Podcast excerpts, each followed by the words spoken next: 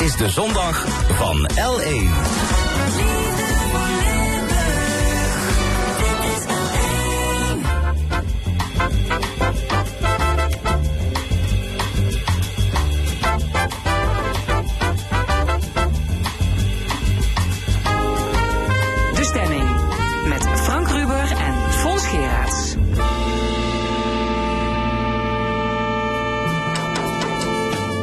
Goedemorgen, welkom bij de stemming. Vandaag de volgende gasten.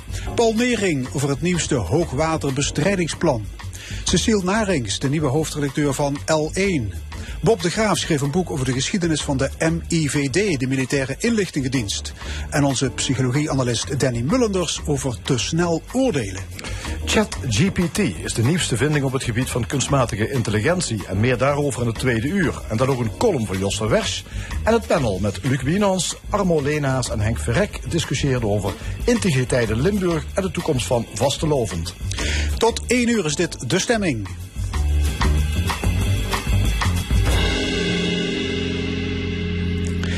Ook in de toekomst krijgt Limburg te maken met hoogwater. Overstromingen van kleine rivieren zoals de Geul zijn niet te voorkomen. Dat concludeert onderzoeksbureau Deltares. De onderzoekers komen met een hele serie beperkte oplossingen om wateroverlast in te dammen. Bij ons Paul Nering, voorzitter van het burgercomité Waterstop Nu. Goedemorgen. Goedemorgen. Ja, deze week verscheen het rapport van Deltares. Uh, dat is trouwens uh, het, het, zoveelste rapport uh, over die wateroverlast. ik weet, niet, weet u nog hoeveel? Nee, maar er zijn zoveel deelrapporten dat we ook geen telling bijhouden. Bent de telling ook kwijt, ja. Conclusie van dit rapport is dat met een aantal kleine oplossingen is best wel wat te doen tegen de wateroverlast. Maar overstromingen zijn niet te voorkomen. Wat vindt u van die conclusie? Uh, in de eerste plaats zijn we blij uh, met het rapport. Vanwege het feit dat ze eigenlijk wetenschappelijk onderbouwen wat wij uh, al anderhalf jaar als amateurs uh, vermoeden. Ehm, en ja, de conclusie is begrijpelijk. aan de andere kant denk ik dat het geen remming moet zijn om verder te kijken van of er ook grotere oplossingen zijn. En wat denkt u dan aan? Wat voor, wat voor grotere oplossingen? Want Deltaris komt inderdaad allemaal met kleine oplossingen. Ja, inderdaad. Uh, maar met name het gebied waarvan ik dus de, de bevolking vertegenwoordig, het uh, Geulmondgebied, heeft te maken gehad met een zeer complexe situatie tijdens de overstroming in 21. En de, dat complexe probleem heeft een uh, grote systeemaanpak nodig om uh, de problemen en de risico's voor de toekomst uh, op te lossen. Ja, systeemaanpak, waar moet ik aan denken? Wat, wat... En, uh, in de zin van alles wat er stroomopwaarts gebeurt, heeft gevolgen voor uiteindelijk het laagste punt. En dat is waar wij wonen. Dus als daar zaken gebeuren, dan moet er zeker gekeken worden naar wat de stroomafwaarts de consequenties zijn. En uh, het aantal instanties wat daarbij betrokken is in het Geulmondgebied is hoger als bijvoorbeeld alleen langs de Geul. Ja, daar wil ik zo meteen op komen. Als je kijkt nu, overstromingen voorkomen lijkt dus onmogelijk. Voor de waterhoeveelheid die in de zomer van 2021 door de Geul stroomde, zouden 1400 voetbalvelden nodig zijn waar het water dan een meter hoog zou moeten staan. Ja, dat, dat lijkt onbegonnen werk. Dat uh, laat ik voor de rekening van de deskundigen. Uh, ik denk dat we nog niet uitgedacht zijn in het aantal mogelijkheden. Uh, bijvoorbeeld uh, aan de Belgische kant. Uh, hoeveel water dat daar eventueel opgeslagen zou kunnen worden. Als je een parallel trekt met de Roer, dan zie je dat bijvoorbeeld de aanwezigheid van de Roerzee de hoogwaterproblemen in, aan de Nederlandse kant behoorlijk gereduceerd heeft. Ja, de Roerzee dat is een stuurmeer, een stuurmeer in Duitsland. Ja. ja. Dus meer opsla, opslagcapaciteit in België langs de Geul, dat zou wellicht kunnen bijdragen tot uh, de wateroverlast. Dat is een idee. En ja. uh, niet alleen kijken naar de absorptie van de aanwezige grond. Want, want, we weten dat het aan de Belgische kant heel laag is. Ja. In, in Nederland valt daar wel nog wat te winnen. Meer grasland en bos aanplanten. Uh, waterbuffers zouden misschien mogelijk nog wel zijn. En drempels om het water op te stuwen, zodat je het wat langer vasthoudt. Ja, Goede oplossingen? Het zouden heel goede uh, oplossingen kunnen zijn. Dat, dat, dat, moet uitgerekend worden. En dat, dat zegt het rapport in feite ook. Uh, bestudeer dat en kijk wat de consequenties zijn. Maar van alles wat er stroomopwaarts gebeurt, uh, komen de consequenties uiteindelijk beneden terecht. Ja, je moet bovenaan in de, in de geul beginnen. Ja, precies. Stroomopwaarts. Ja. Ja. Deltaris zegt trouwens ook uh, dat burgers zelf waakzaam moeten blijven en maatregelen moeten nemen tegen wateroverlast. Ja, omdat die overstromingen niet te vermijden zijn. Dus uh, je moet zelf maar. Um, ja, de, de roeiboot klaar hebben liggen? Uh, ja, dat, is, uh, dat zou een van de conclusies kunnen zijn. Uh, dan moet je ook ruimte hebben om je roeiboot neer te leggen. je zou kunnen denken aan veranderingen van het bouwbesluit, zodat mensen wat hoger kunnen wonen. De auto onder het huis normaal en bij hoogwater ligt daar de boot. Ja, maar wat vindt u van het feit dat de overheid zegt... ja, u moet ook zelfredzaam zijn, inwoners? Ja, dat is een uh, makkelijke. Uh, maar, uh, en, en we zijn het daar ook niet mee oneens. Sterker nog, die aanbeveling die in Deltare staat, die wordt door Waterstop nu al uitgewerkt in het project Droge Voeten in het uh, Gulmondgebied.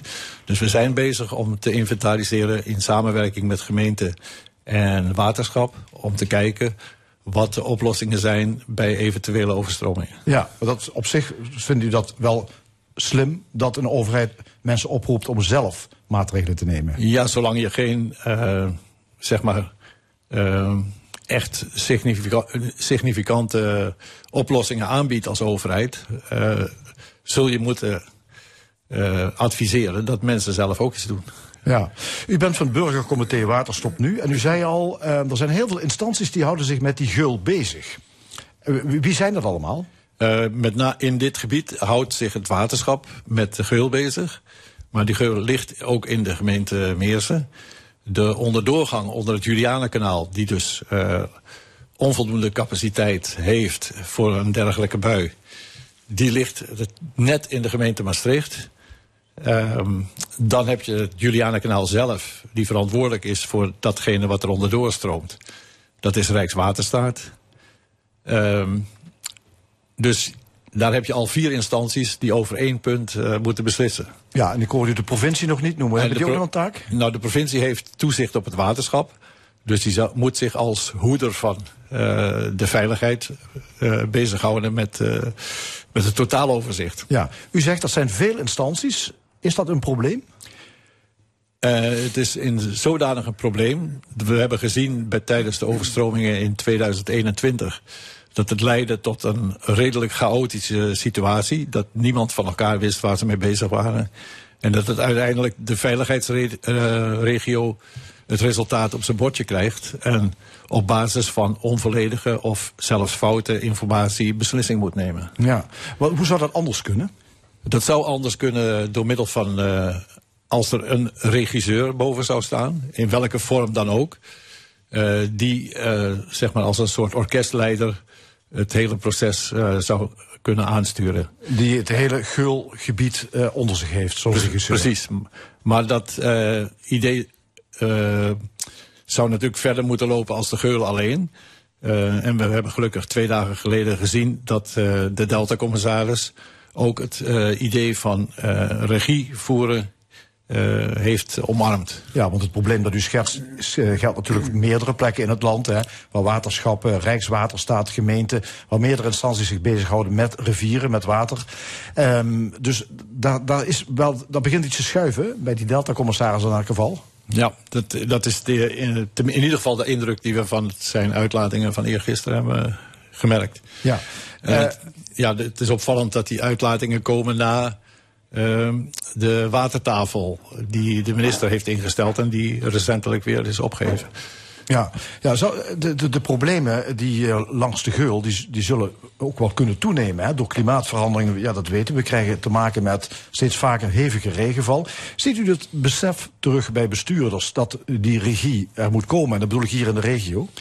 Uh, we hebben er nog niet veel van gezien. Uh, ik ben hier een keer eerder op bezoek geweest samen met uh, professor Korsten. Die heeft een rapport ingediend bij de commissaris eh, van de Koningin. Dat hele rapport is niet doorgestuurd naar provinciale staten. En zelfs een antwoord op de brief is, is niet gegeven.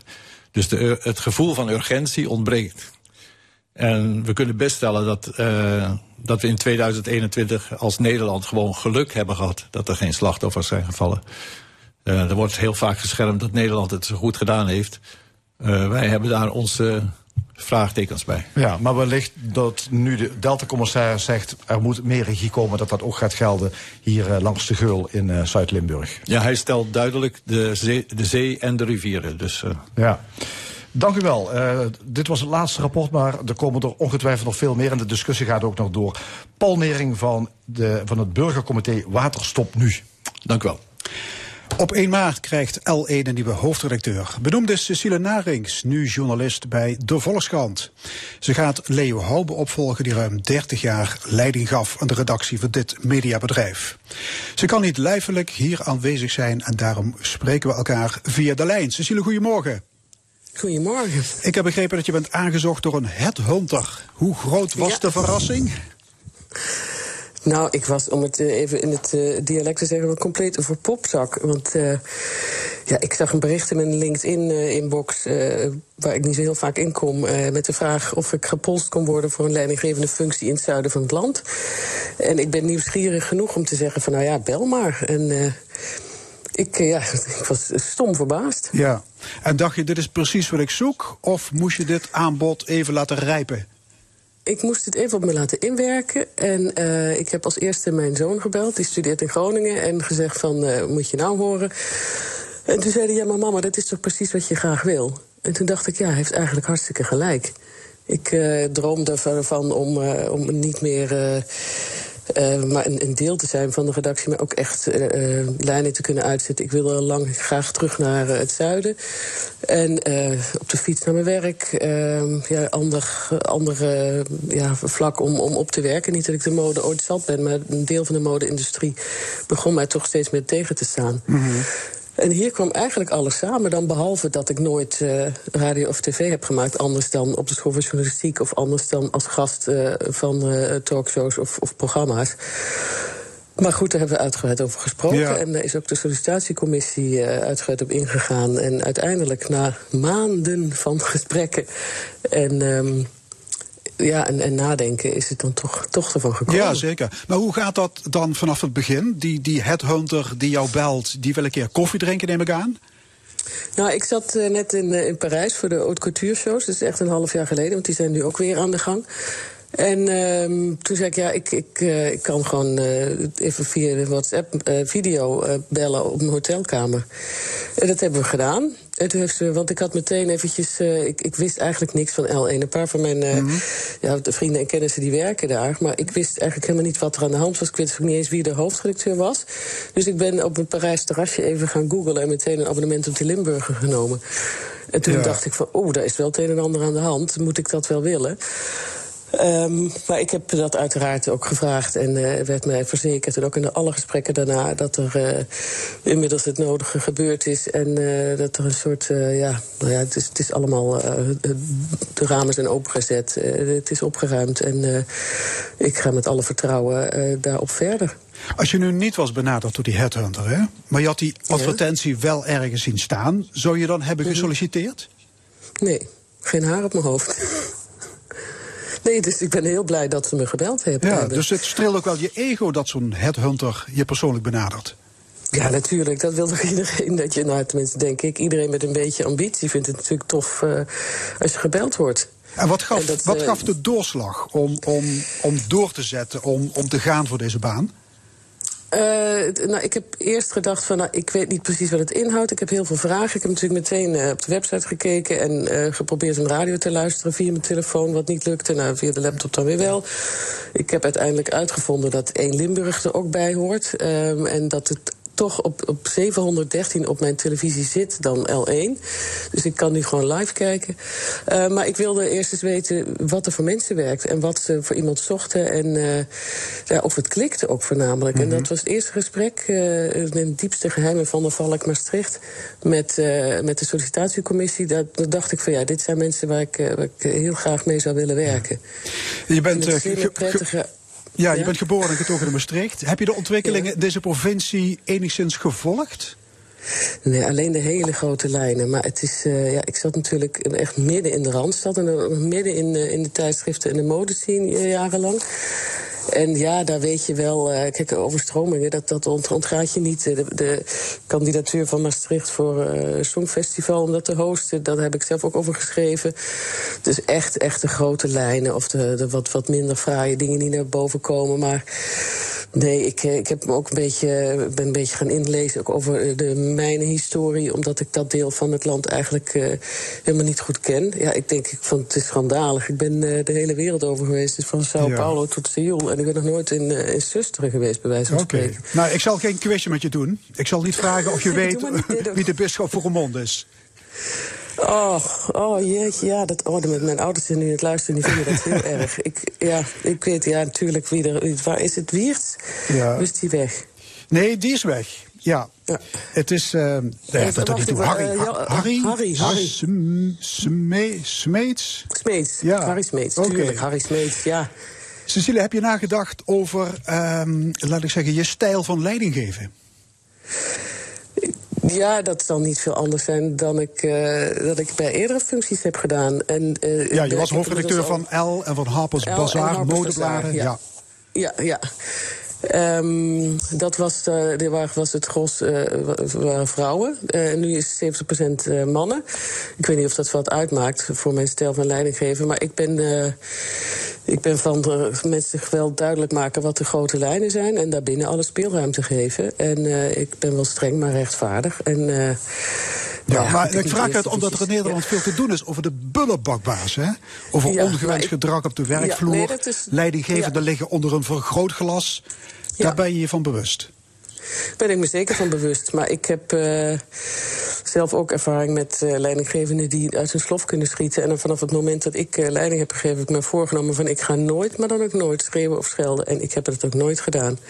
Dus je kunt het navragen, maar niemand hoeft bang voor mij te zijn. Ben je zelf een stevige mediaconsument? Uh, ja, de laatste tijd nog natuurlijk, of de laatste, eigenlijk de laatste twintig jaar vrij uh, eenzijdig. Uh, ik lees natuurlijk de, de, Volkskrant en andere Nederlandse kranten. En ik lees de Limburger, zeker de laatste, laatste half jaar, en, en L1. En dan ja, New York Times, Guardian, hier en daar. Ja. En je favoriete televisieprogramma's? Ja, B&B Vol Liefde en de. Okay. Moet ik heel eerlijk zijn. Boerzoeksvrouw. Ja. Ja, en radio? Ja. Bijna radio, luisteraar? Ja, ik luister veel naar uh, Clara, Belgische zender. Mm -hmm. uh, S'morgens uh, luister ik Radio 10, Ekdom. En in de rest van de dag Sublime. En de laatste tijd dus ook, als ik het even, eventueel kan ontvangen, dan, dan L1. Ja. Maar ik moest ook als een soort huiswerk moest ik uh, radio luisteren, L1. Dus ja, dat is je hey. ja. hey, De publieke omroep ligt enigszins onder vuur. Hè. Mooie publieke programma's die worden van de buis gehaald... omdat ze de ogen van de netmanagers te weinig publiek trekken. Hoe, hoe kijk jij daarnaar? Um, ja, daar, daar, ben ik eigenlijk nog, uh, nog te, te bleu voor om, uh, om daar iets heel zinnigs over te zeggen. Moet ik eerlijk bekennen. ik vind wel ja, de, de, ook bijvoorbeeld discussie over, over het net drie. Uh, ja, die, ik vind sommige programma's echt teleurstellend weinig toevoegen aan het aanbod dat er al is. En ik vind het ook heel eenvormig wat er is. Dus, maar ik weet niet precies wat erachter zit. Ik weet ja. niet precies wat het maar in het is. algemeen, wat, wat vind je belangrijker? De publieke opdracht of kijk- en luistercijfers? Ik vind eerlijk gezegd, maar misschien dat, uh, dat er nu wordt. Uh, wordt geschud van, oh nee toch? Ik vind de publieke opdracht het belangrijkste.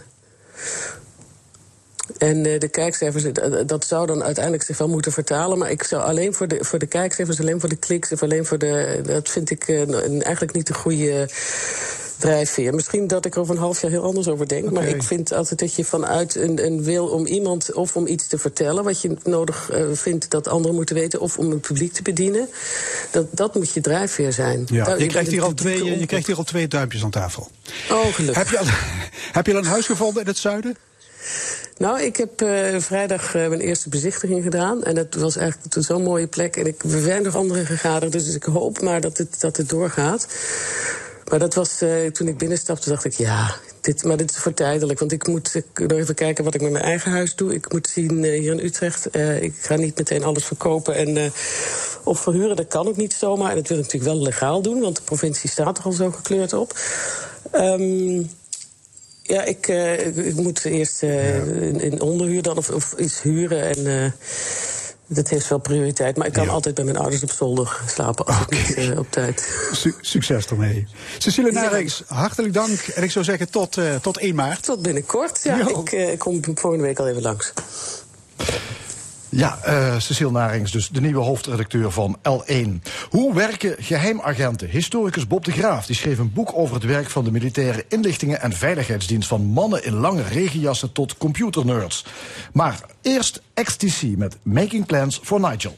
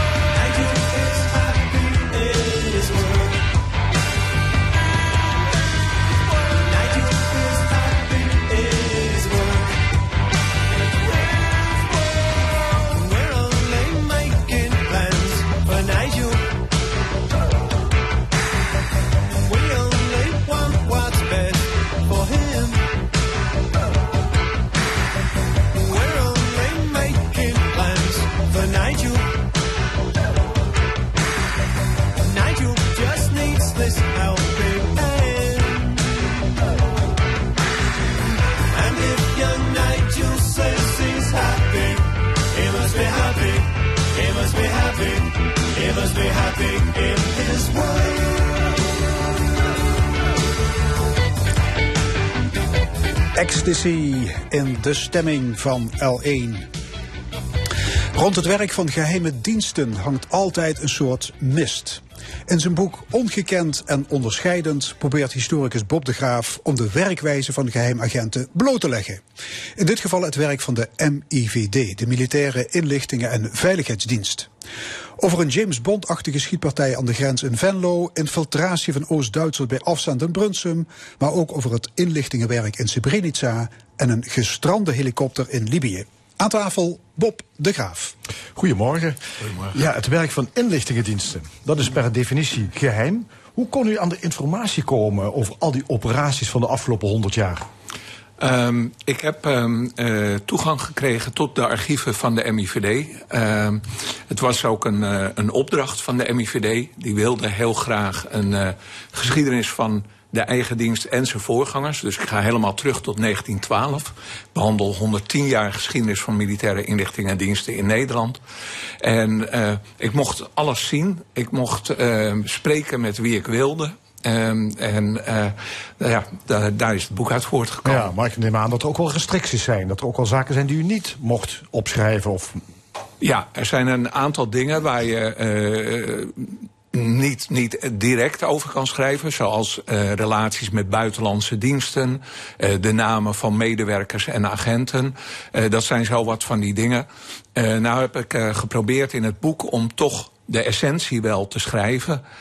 maar ehm, uh, ja, dan kan ik niet zeggen uh, dat was uh, die en die dienst van dat en dat land. Maar dan mocht ik wel schrijven dat het een West-Europese dienst was of iets dergelijks. Ja, de geheime agent in 2023. Ehm, hoe ziet die er eigenlijk uit?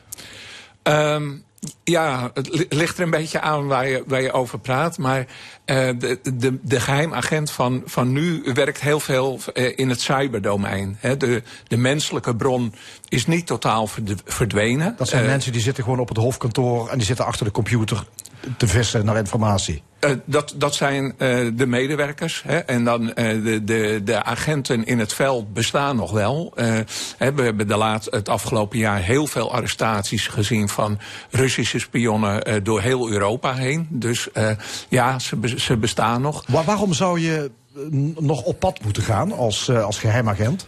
Uh, bijvoorbeeld omdat je uh, de intenties wil kennen. Dat is niet altijd uh, via het cyberdomein of via het afluisteren van ra radioverkeer te achterhalen. het kan ook zijn omdat je een agent wilt hebben die ter plaatse andere mensen beïnvloedt. dus die factor zal altijd blijven bestaan. Ja. Uh, in uw boek, uh, jij zei het al, het is, het is een geschiedenis van de afgelopen 100 jaar van de, de, de geheime dienst. En dan met name de MIVD en de voorgangers, dus de militaire inlichting en de veiligheidsdienst. Er staan een paar uh, mooie voorbeelden ook die in Limburg spelen. In. En ik denk het meest spectaculaire is wel het Venlo-incident. 1939, samengevat, Engelse geheimagenten die spreken af samen met een Nederlandse officier. En die hebben uh, een afspraak met Duitsers. En ze denken dat die Duitsers een verzetsgroep vertegenwoordigen... die in Duitsland tegen Hitler ja, een, een, iets van een machtsgreep beramen. Nou, die afspraak die vindt plaats in een café aan de grens in Venlo. Um, maar dan komt er, op het moment dat die afspraak plaatsvindt... komt er vanuit de Duitse kant een overvolwagen, een SS-commando. En wat gebeurt er dan? Uh, ja, die komen uh, al schietend de grens over. Uh, de Nederlandse officier is een officier van de militaire inlichtingendienst op dat moment. Uh, die heette toen GS3. En die schiet terug. Die probeert op, die, op de ruit van de auto te schieten. Maar hij wordt zelf daarbij verwond. Nou had hij zich in de uh, gesprekken met de Duitsers steeds voorgedaan als Engelsman. Hij heette luitenant Dirk Klop, maar uh, hij was voorgesteld als Captain Coppens. En de Duitsers verkeerden in de veronderstelling dus dat hij Engelsman was. ze sleepten ehm, de twee Britten, hun Haagse chauffeur en luitenant Klop over de grens. En Klop was dodelijk gewond. Die overleed onderweg. Uh, bij aankomst in Düsseldorf stelden de Duitsers uh, door het zoeken op zijn lichaam vast dat hij behoorde tot de, de, generale staf van het Nederlands leger. En dat is wel pikant, want Nederland was neutraal. Dus dat Nederland samen met de Engelsen die operatie uitvoerden, dat was natuurlijk wel een probleem. Ja, dat was een, een groot probleem. Hè. Niet voor niets was hij, had hij zich voorgedaan als Engelsman.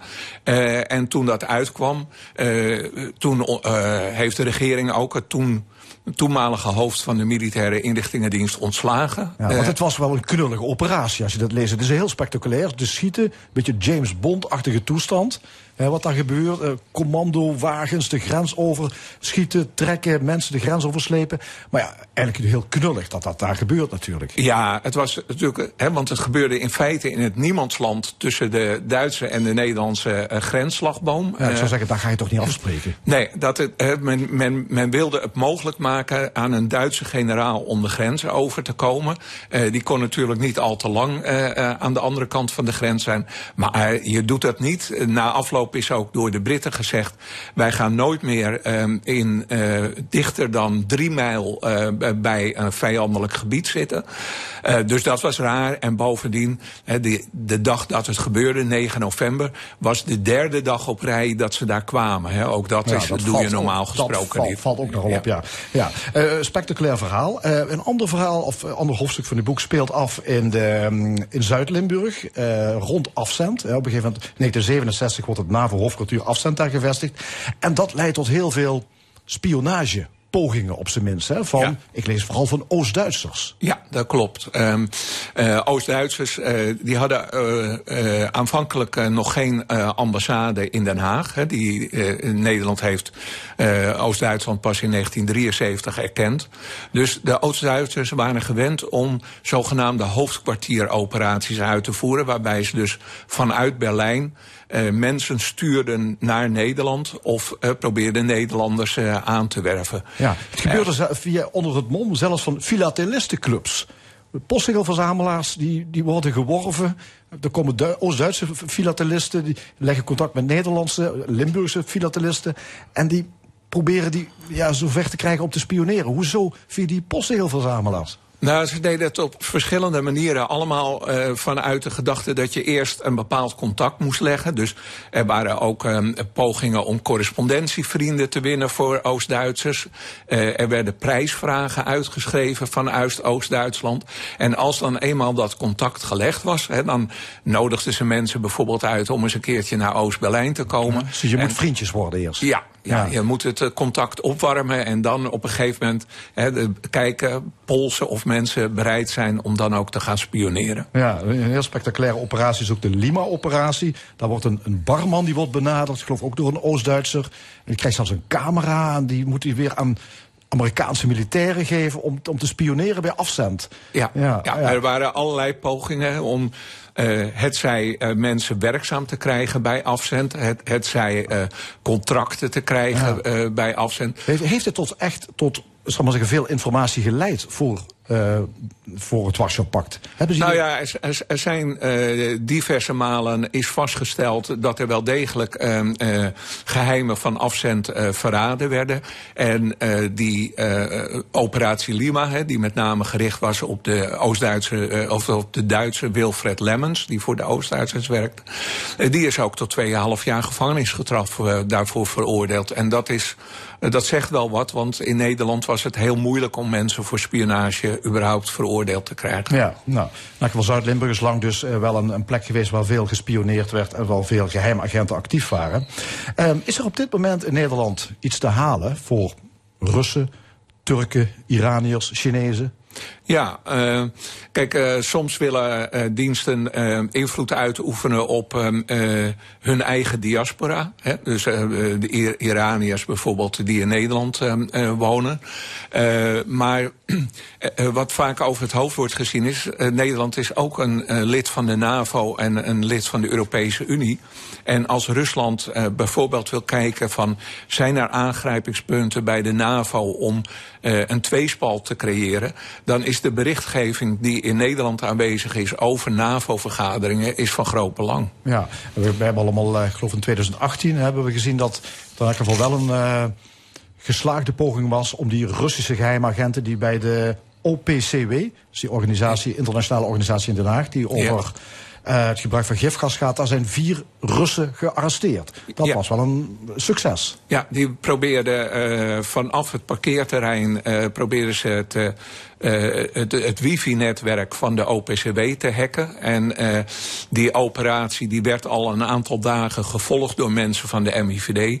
En die hebben op het moment dat ze daartoe wilden overgaan, hebben ze ingegrepen en die mensen op het vliegtuig terug naar Moskou gezet. Ja, dat zijn de succesjes. Het gaat ook wel eens mis. Hè. Die, die helikopter in Libië, dat eh, was natuurlijk een, eh, ja, was wel een, eh, afgang voor de geheime diensten. Ja, in, in februari 2011 hè, st- eh, strandde er een, eh, een helikopter bij Sirte in, in Libië. Die probeerde een Nederlander te evacueren. Ja.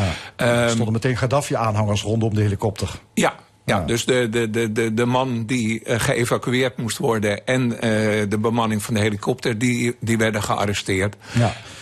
Ja, knullig eh, voorval. Eh, als je ze- op dit moment eh, in de oorlog Oekraïne-Rusland maakt, eh zal maar zeggen, het werk van de intelligence eh, diensten, is dat een belangrijk eh, onderdeel van die oorlogvoering? Ja, uh, zeer belangrijk. Uh, dus Oekraïne uh, doet zijn eigen inlichtingenwerk, maar krijgt ook de nodige inlichtingen vanuit westerse landen. Ehm, en wat je ook ziet gebeuren, en dat is een beetje nieuw in het inlichtingenwerk, is dat met name de Britse inlichtingendiensten ook dagelijks bulletins doen uitgaan, waarin ze eigenlijk vertellen wat er zit aan te komen. Ja, dat is vreemd. Normaal, die inlichtingendiensten die werken voor, natuurlijk voor een eigen overheid, voor de regering, houden die informatie geheim. Maar nu zie je dat ze dagelijks met informatie naar buiten komen. Waarom doen ze dat? Um, ze hebben eigenlijk van de, de, de, afgelopen jaren geleerd dat de, de, Russen eigenlijk proberen heel erg de stemming in het Westen te beïnvloeden. En uh, eigenlijk hebben ze conclusie getrokken, wij moeten eerder komen met de informatie dan de Russen. Dus uh, je noemt dat het, het narratief, hè. de Russen zetten het narratief neer. Maar eigenlijk wordt het contranarratief uh, wordt eigenlijk al eerder door de Britten neergezet om de Russen hetzij bepaalde handelingen onmogelijk te maken, eigenlijk aan te tonen van zie je wel hoe slecht ze zijn. Ja, er zijn wat spectaculaire aanvallen geweest op de Krimbrug. Eh, ook de vernietiging van een school eh, begin januari waar Russische militairen verbleven. Waar er misschien wel een paar honderd zijn omgekomen. Dat is allemaal ook werk van geheime diensten? Dat je weet dat die Russen op die plek zitten? Ja, je dat is een van de belangrijkste dingen natuurlijk van een militaire dienst. Hè, dat je probeert na te gaan van waar bevindt de vijand zich. En uh, met name uh, zie je dat de Oekraïners steeds op zoek zijn naar of hoofdkwartieren of hele sterke uh, concentraties van troepen. Um, en uh, als Rus probeer dat geheim te houden. Maar dat, kennelijk lukt dat niet iedere nee, keer. maar dan gaan die Russen die gaan met hun eigen telefoon naar huis bellen om nieuwjaar te wensen. Ja, ja er, is, er is een gezegde in de inlichtingenwereld: transmission is treason. Hè? Dus zodra je elektronisch of radiografisch contact zoekt, verraad je eigenlijk jezelf. Ja. Hoe lang houdt een geheim agent het vol? Want ik denk, je bent heel veel aan het zoeken. Word je niet op een gegeven moment helemaal paranoia? Uh, ja, dat ligt er een beetje aan hoe de agent wordt ingezet. Sommige agenten die werken onder een dekmantel. En dat uh, brengt een uh, hele grote stress met zich mee als, als je dat dagelijks moet doen. Je moet je voorstellen, uh, bijvoorbeeld die Wilfred Lemmens, die, die was patatboer. En tegelijkertijd moest hij ook nog een antiekhandeltje drijven. En tegelijkertijd moest hij zijn spionage doen. dus dat, al, alleen al die opeenhoping van activiteiten, dat is bijzonder stressvol. Maar we kennen ook situaties van zogenaamde sleeper-agenten. Die worden ergens geplaatst en die hoeven pas op het uur U in actie te komen. En het kan zijn dat er, we hebben voorbeelden van agenten die zelfs 40 jaar niet in actie hebben hoeven komen voordat het uur U zich aandiende. Dus ja, dat is een heel andere situatie. Ja. Het uh, staat allemaal beschreven in uw boek. Ongekend en onderscheidend. Uh, de geheime geschiedenis van de MIVD. Geschreven dus door Bob de Graaf, historicus. En het boek ligt in de, in de winkel. Ja. Dank u wel voor uw komst. Graag gedaan. Zo dadelijk in de stemming onze psychologie-analyst Danny Mullenders. Hij vindt dat mensen tegenwoordig hun oordeel te snel klaar hebben en dat moet anders. Na Alan Price met zijn vertolking van I Put a Spell on You.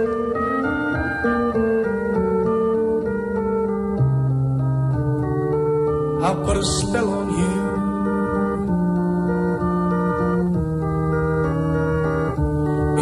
Because you're mine.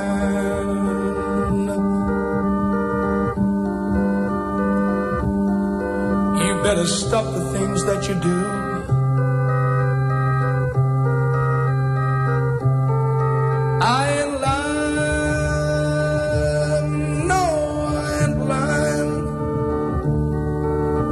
Can't stand it, babe.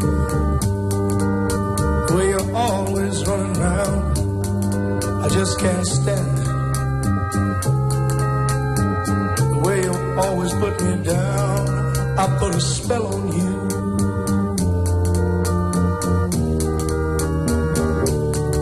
Because you're mine.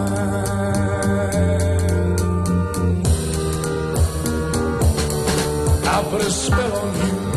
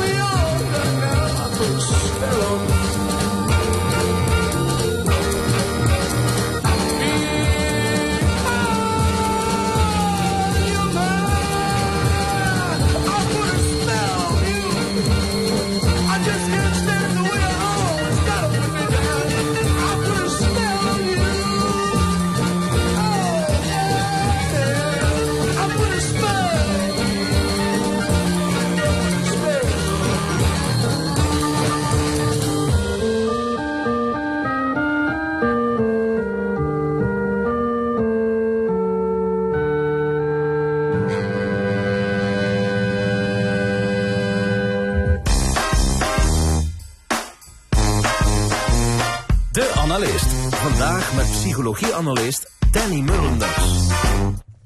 Danny, welkom. Goedemorgen. Ehm, je wil het vandaag hebben over dat mensen volgens jou veel te vlot hun mening klaar hebben. Ja. En dat leidt alleen maar tot onbegrip en polarisatie. Dat is tegenwoordig schering en inslag? Ja, ja, het is iets van alle tijden. Het valt me op dit moment nog wel behoorlijk meer op dan eh 20, 30 jaar geleden. Ja. Hoe merk je dat? Nou, wat me opvalt, eh, we polariseren vrij makkelijk op dit moment. Eh, er zijn behoorlijk wat, eh, wat ideeën die mensen hebben over de werkelijkheid die je, eh, ja, als je door meer mensen dat bekijkt, op heel veel manieren kan bekijken. Dus we hebben allemaal onze eigen mening, maar ze zijn vrij sterk uitvergroot op dit moment. Als je kijkt naar de wappies met corona, je kijkt naar de stikstofcrisis, de boeren, je kijkt naar je oordeel over Rusland in de oorlog met, met Oekraïne. Er is behoorlijk wat aan de hand in de wereld en we, we vinden daar allemaal wat van. Het eh, brengt mensen niet dichter bij elkaar. Eh, het gebeurt trouwens ook in de kleinere dingen. Hè, dus je ziet het ook tussen mensen. Je ziet het in het klein en in het groot op dit moment. Ja. Ja. Ehm, je zegt het is van alle tijden, maar tegenwoordig is het wel, wel heel ernstig. Ja, dat valt me wel op. Ja. Je bent eh, psycholoog. Wat is dat eigenlijk, o- oordelen op basis van eerste indrukken? Ja, ja. Nou, als mens hebben we ons oordeel, onze mening vrij snel klaar.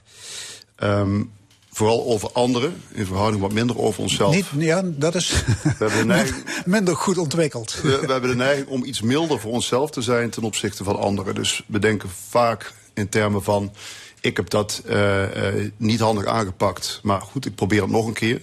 Terwijl als een ander iets niet handig doet, nou, dan zeggen we eh, dat gaat ook nooit meer goed komen. Dus we beoordelen onszelf eigenlijk, zou je kunnen zeggen, op onze intentie. Het idee dat we iets gaan doen. Terwijl bij anderen kijken we vooral naar het eindresultaat van gedrag. Eh, dus het kritisch zijn naar anderen toe, dat, dat ligt veel meer onder het vergrootglas. Ehm, en wat er bij ook opvalt, eh, is dat als je kijkt naar werk en, en de werkvloer, dat we heel leuk, lief en aardig naar anderen kunnen zijn. En tegelijkertijd behoorlijk eh, ja, meningen klaar hebben. Eh, en dat willen we vaak wel aan de koffieautomaat met elkaar delen, maar vaak Ja. niet het eerste contact. Kun je uitleggen waar dat snelle oordelen vandaan komt? Ja. Waarom, waarom doen we dat? Ja, ja de, de meest voorkomende verklaring is, is evolutionair. Dus je zou terug kunnen kijken in de tijd. En honderdduizenden jaar geleden, hè, zou je kunnen zeggen, door snel te oordelen, snel te reageren, konden we ons eh, redden, konden, konden we overleven. Dan zou je kunnen denken aan die agressieve leeuw of die, die slang die je eh, plotseling voor je zag. Ja, en dan kreeg je eigenlijk je primitieve brein dat aan het werk ging. Hè, dus vechten, vluchten, bevriezen. Tegenwoordig eh, voegen we dan nog wat, eh, wat aan toe. Maar als je het hebt over vechten, vluchten, bevriezen, dan kan het helpen als die leeuw er is, dat je achter dat struikje in blijft zitten. Dat je bevriest en dat je overleeft. Dat doe je niet bewust. Dat deed je niet bewust. En wat we eigenlijk het hier en nu zien, is dat dat primitieve brein nog steeds wel behoorlijk de overhand kan hebben in de meer stressvolle situaties. Ja, ja, het is dus nu geen overlevingsmechanisme meer, maar meer een ja, Ja. menselijke, menselijk, automatisme. automatisme. Ja, zo zou je het kunnen zeggen. En, Ja. en hoe werkt dat precies? Ja, ja dan, dan eh, is het aardig om Daniel Kahneman aan te halen. Een Nobelprijswinnaar en eh, psycholoog. Dus Daniel Kahneman die heeft het over systeem 1 en systeem 2 in onze hersenen. Je zou het kunnen zien als denksystemen. Eh, waarbij systeem 1 ons snelle, intuïtieve, eh, onbewuste systeem is. We reageren en we hebben nauwelijks door dat we dat doen. Eh, systeem 2, dat is eerder ons beredeneerde, gecalculeerde, bewuste systeem waarmee we dus bewuste keuzes maken. En het interessante is, we denken heel vaak dat systeem 2 de overhand heeft. Hè? Dus we doen dingen heel bewust, denken we dan. Maar als je daar onderzoek op loslaat, dan, dan doen we heel veel dingen op de automatische piloot. Ja, dus het snelle systeem gebruiken we bijna altijd. Ja, en dat tweede systeem, laat ik zeggen het bezonken oordeel, Ja, mooi. ja, eigenlijk heel weinig. Ja. En hoe komt dat? Ja, ja, ook daar kun je de evolutionaire bril op zetten. En zou je kunnen zeggen, als je systeem 2 constant zou moeten inzetten, dus ons bewust systeem, dan kost dat ontzettend veel energie. Eh, je zou zelfs kunnen zeggen dat ons menselijke apparaat zou crashen als je 100% van de tijd bewust keuzes zou moeten maken. Dus in veel situaties is het heel erg helpend als je, je vanuit je conditioneringen, vanuit je gewenningen zou je kunnen zeggen, eh, de dingen doet zoals je ze wil doen. Hè. Denk aan je tanden poetsen, denk aan eh, je partner een kus geven voordat je gaat slapen. De laatste mag je trouwens misschien ook wel bewust doen, wat mij betreft. Maar in de kern helpt het ons op het moment dat wij heel veel dingen automatisch doen. Ja. Daarmee reserveren we energie voor de belangrijkere dingen die eh, niet iedere dag gebeuren. Ja, en wat is het gevolg van het feit dat we bijna alles op de automatische piloot doen? Ja. Ja, dat, dat, dat gevolg is, is niet altijd even positief, zou je kunnen zeggen. Want dan kom je eigenlijk uit bij het thema waar we het vandaag ook over hebben. We oordelen dus heel snel. Uh, we kijken naar het gedrag van een ander. We kijken naar de eerste indruk die we daarvan hebben. En meteen is dat dan ook de persoon zoals die is. Hè? Als we ons irriteren aan iemand omdat hij een keer een afspraak vergeet... ja, dan is die slordig, dan is die chaotisch en dan, uh, dan bakt hij er niks van. We generaliseren dus heel snel. Dat, dat vinden we ja, onderbewust heel prettig. Want met dat oordeel van die ander ja, kunnen we ook weer de dag door. Hè? Dus, dus je, je drukt een stempel en ja, het geeft een soort van comfort. Het geeft veiligheid op het moment dat je intuïtief situaties kan, uh, kan inschatten. Dan zou je dus eigenlijk moeten overschakelen naar systeem 2, hè, zoals ja. je beschrijft. Um, want dan maak je minder fouten. Maar, ja, hoe, maar hoe doe je dat, dat overschakelen? Ja, ja en daar zie je dat sommige mensen zich heel bewust zijn van zichzelf. En die hoef je eigenlijk maar te zeggen dat ze vanuit oordelen uh, aan de slag zijn. En die uh, zijn schuldbewust of kritisch naar zichzelf. En die passen dat aan. Maar heel vaak zie je dat dat niet werkt. Dus maar je, je moet dat... je er eerst bewust van zijn dat je te snel oordeelt. Exact, dat is stap 1. En uh, ja, dan, dan zie ik uh, ook bij ACT, waar ik zelf werk als psycholoog, uh, dat, dat mensen toch wel vaak ook op coaching komen. Want als de ruimte tussen actie en reactie heel klein is. Hè, jij triggert mij met een vraag en ik reageer boos.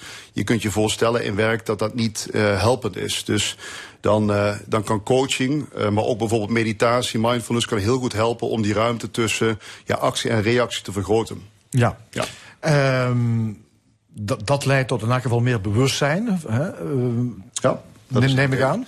Ja, dus, dus bijvoorbeeld door, door minder te oordelen op basis van die eerste indrukken en dus meer nieuwsgierig te zijn naar waar, waarom mensen doen wat ze doen zou je kunnen zeggen dat versterkt de verbinding ook uh, tussen mensen. Dus vanuit uh, begrip handelen maakt dat samenwerkingen soepeler lopen in organisaties. En uh, ja, in de grotere wereld zou je kunnen zeggen, kijk naar de wereldproblematiek op dit moment.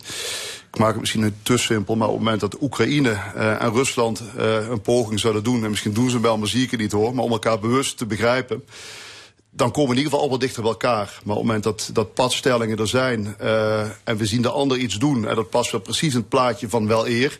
Ja, dan worden we weer bevestigd in onze mening en dan, dan komen we dus niet dichter bij elkaar. Ja, ja. dichter bij elkaar komen. Dus dan, dan, en dan kijk jij eigenlijk met een psychologische bril naar mensen. Ja, en, en dat is ook wel wat ik, wat ik anderen gun. Dus in die zin wat meer psychologische slimheid ontwikkelen, zo zou je het kunnen noemen. Um, dus op het moment dat jij snapt dat omdat je je aan die ander irriteert, dat misschien meer over jezelf zegt dan over die ander.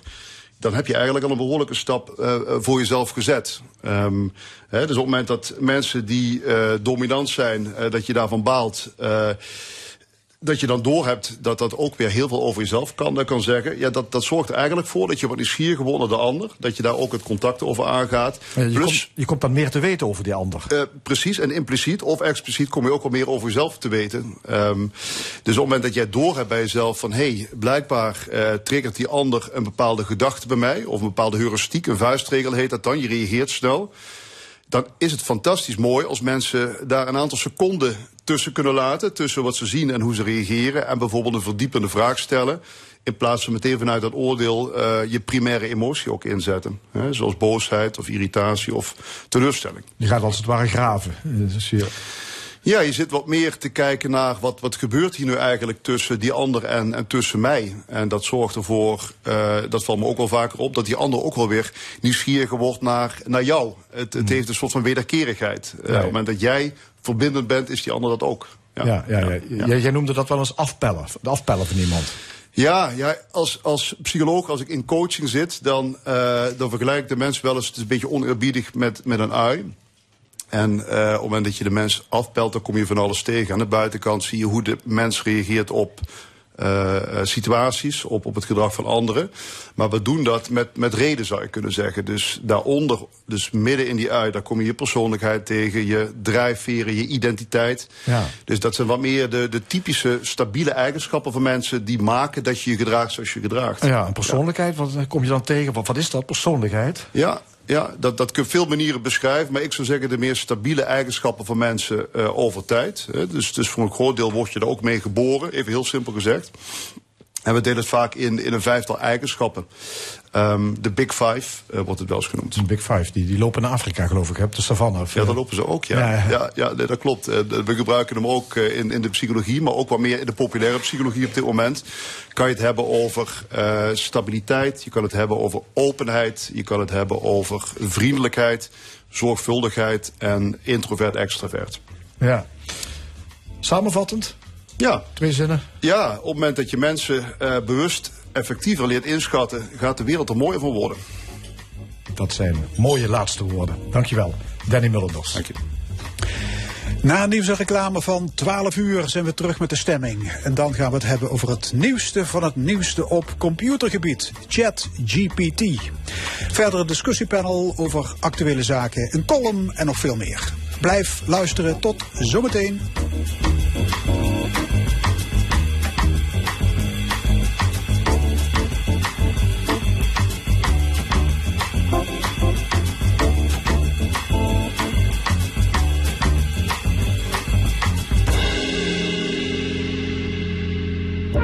Blaaskracht laten orkesten hun uitvoeringen horen van het laatste Wereldmuziekconcours.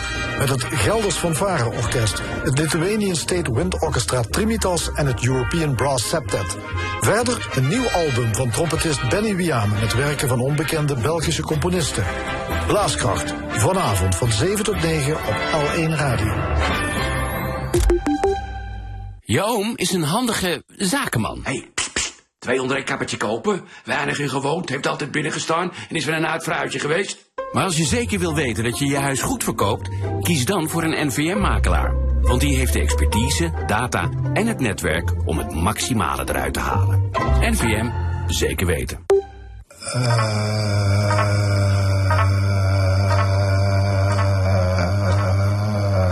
Ook een probleempje met internet? Een app, e-book of computer? Lang genoeg gewacht. Bel 0800 1508.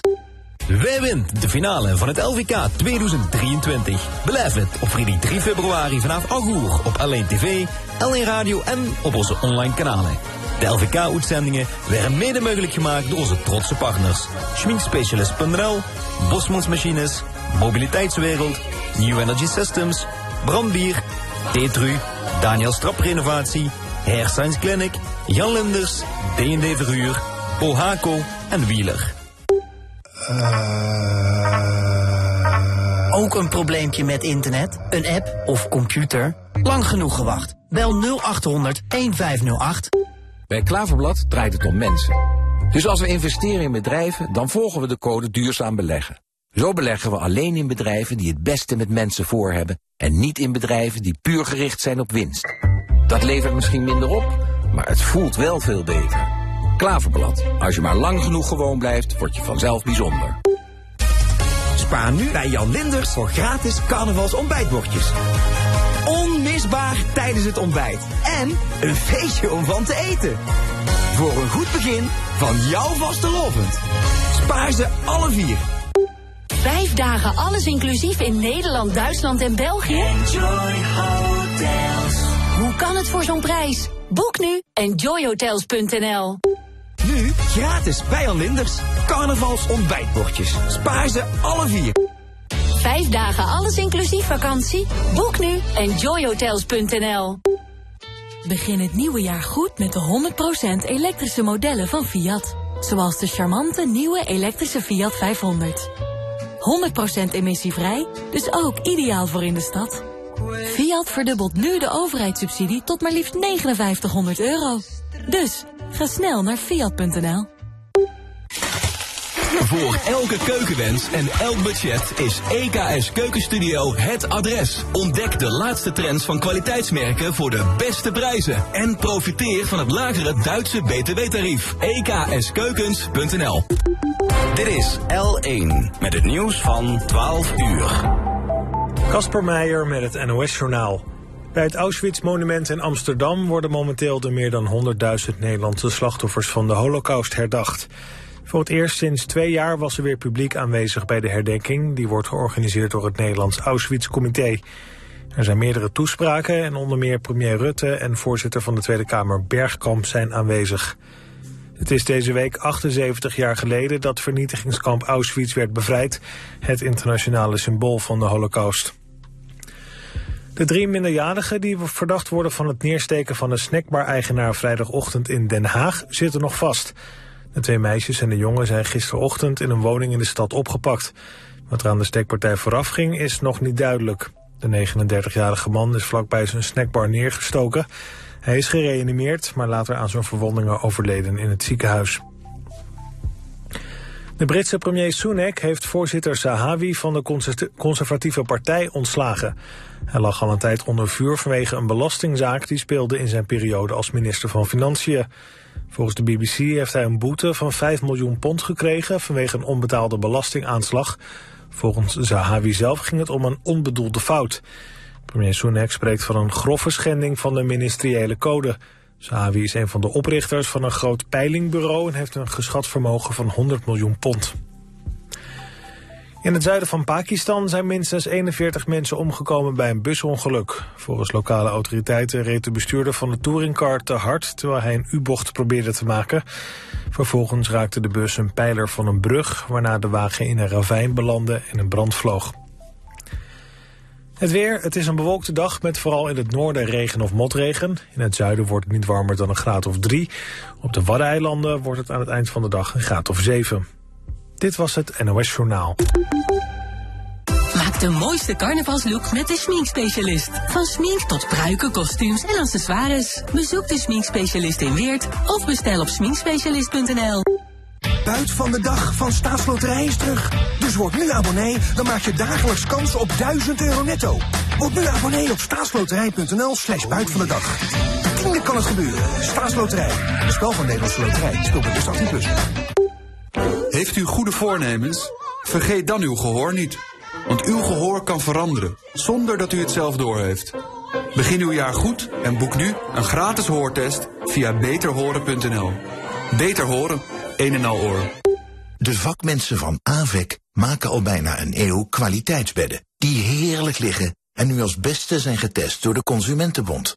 Paken zou super trots zijn geweest. Kijk voor de beste boksprings op avecbedden.nl.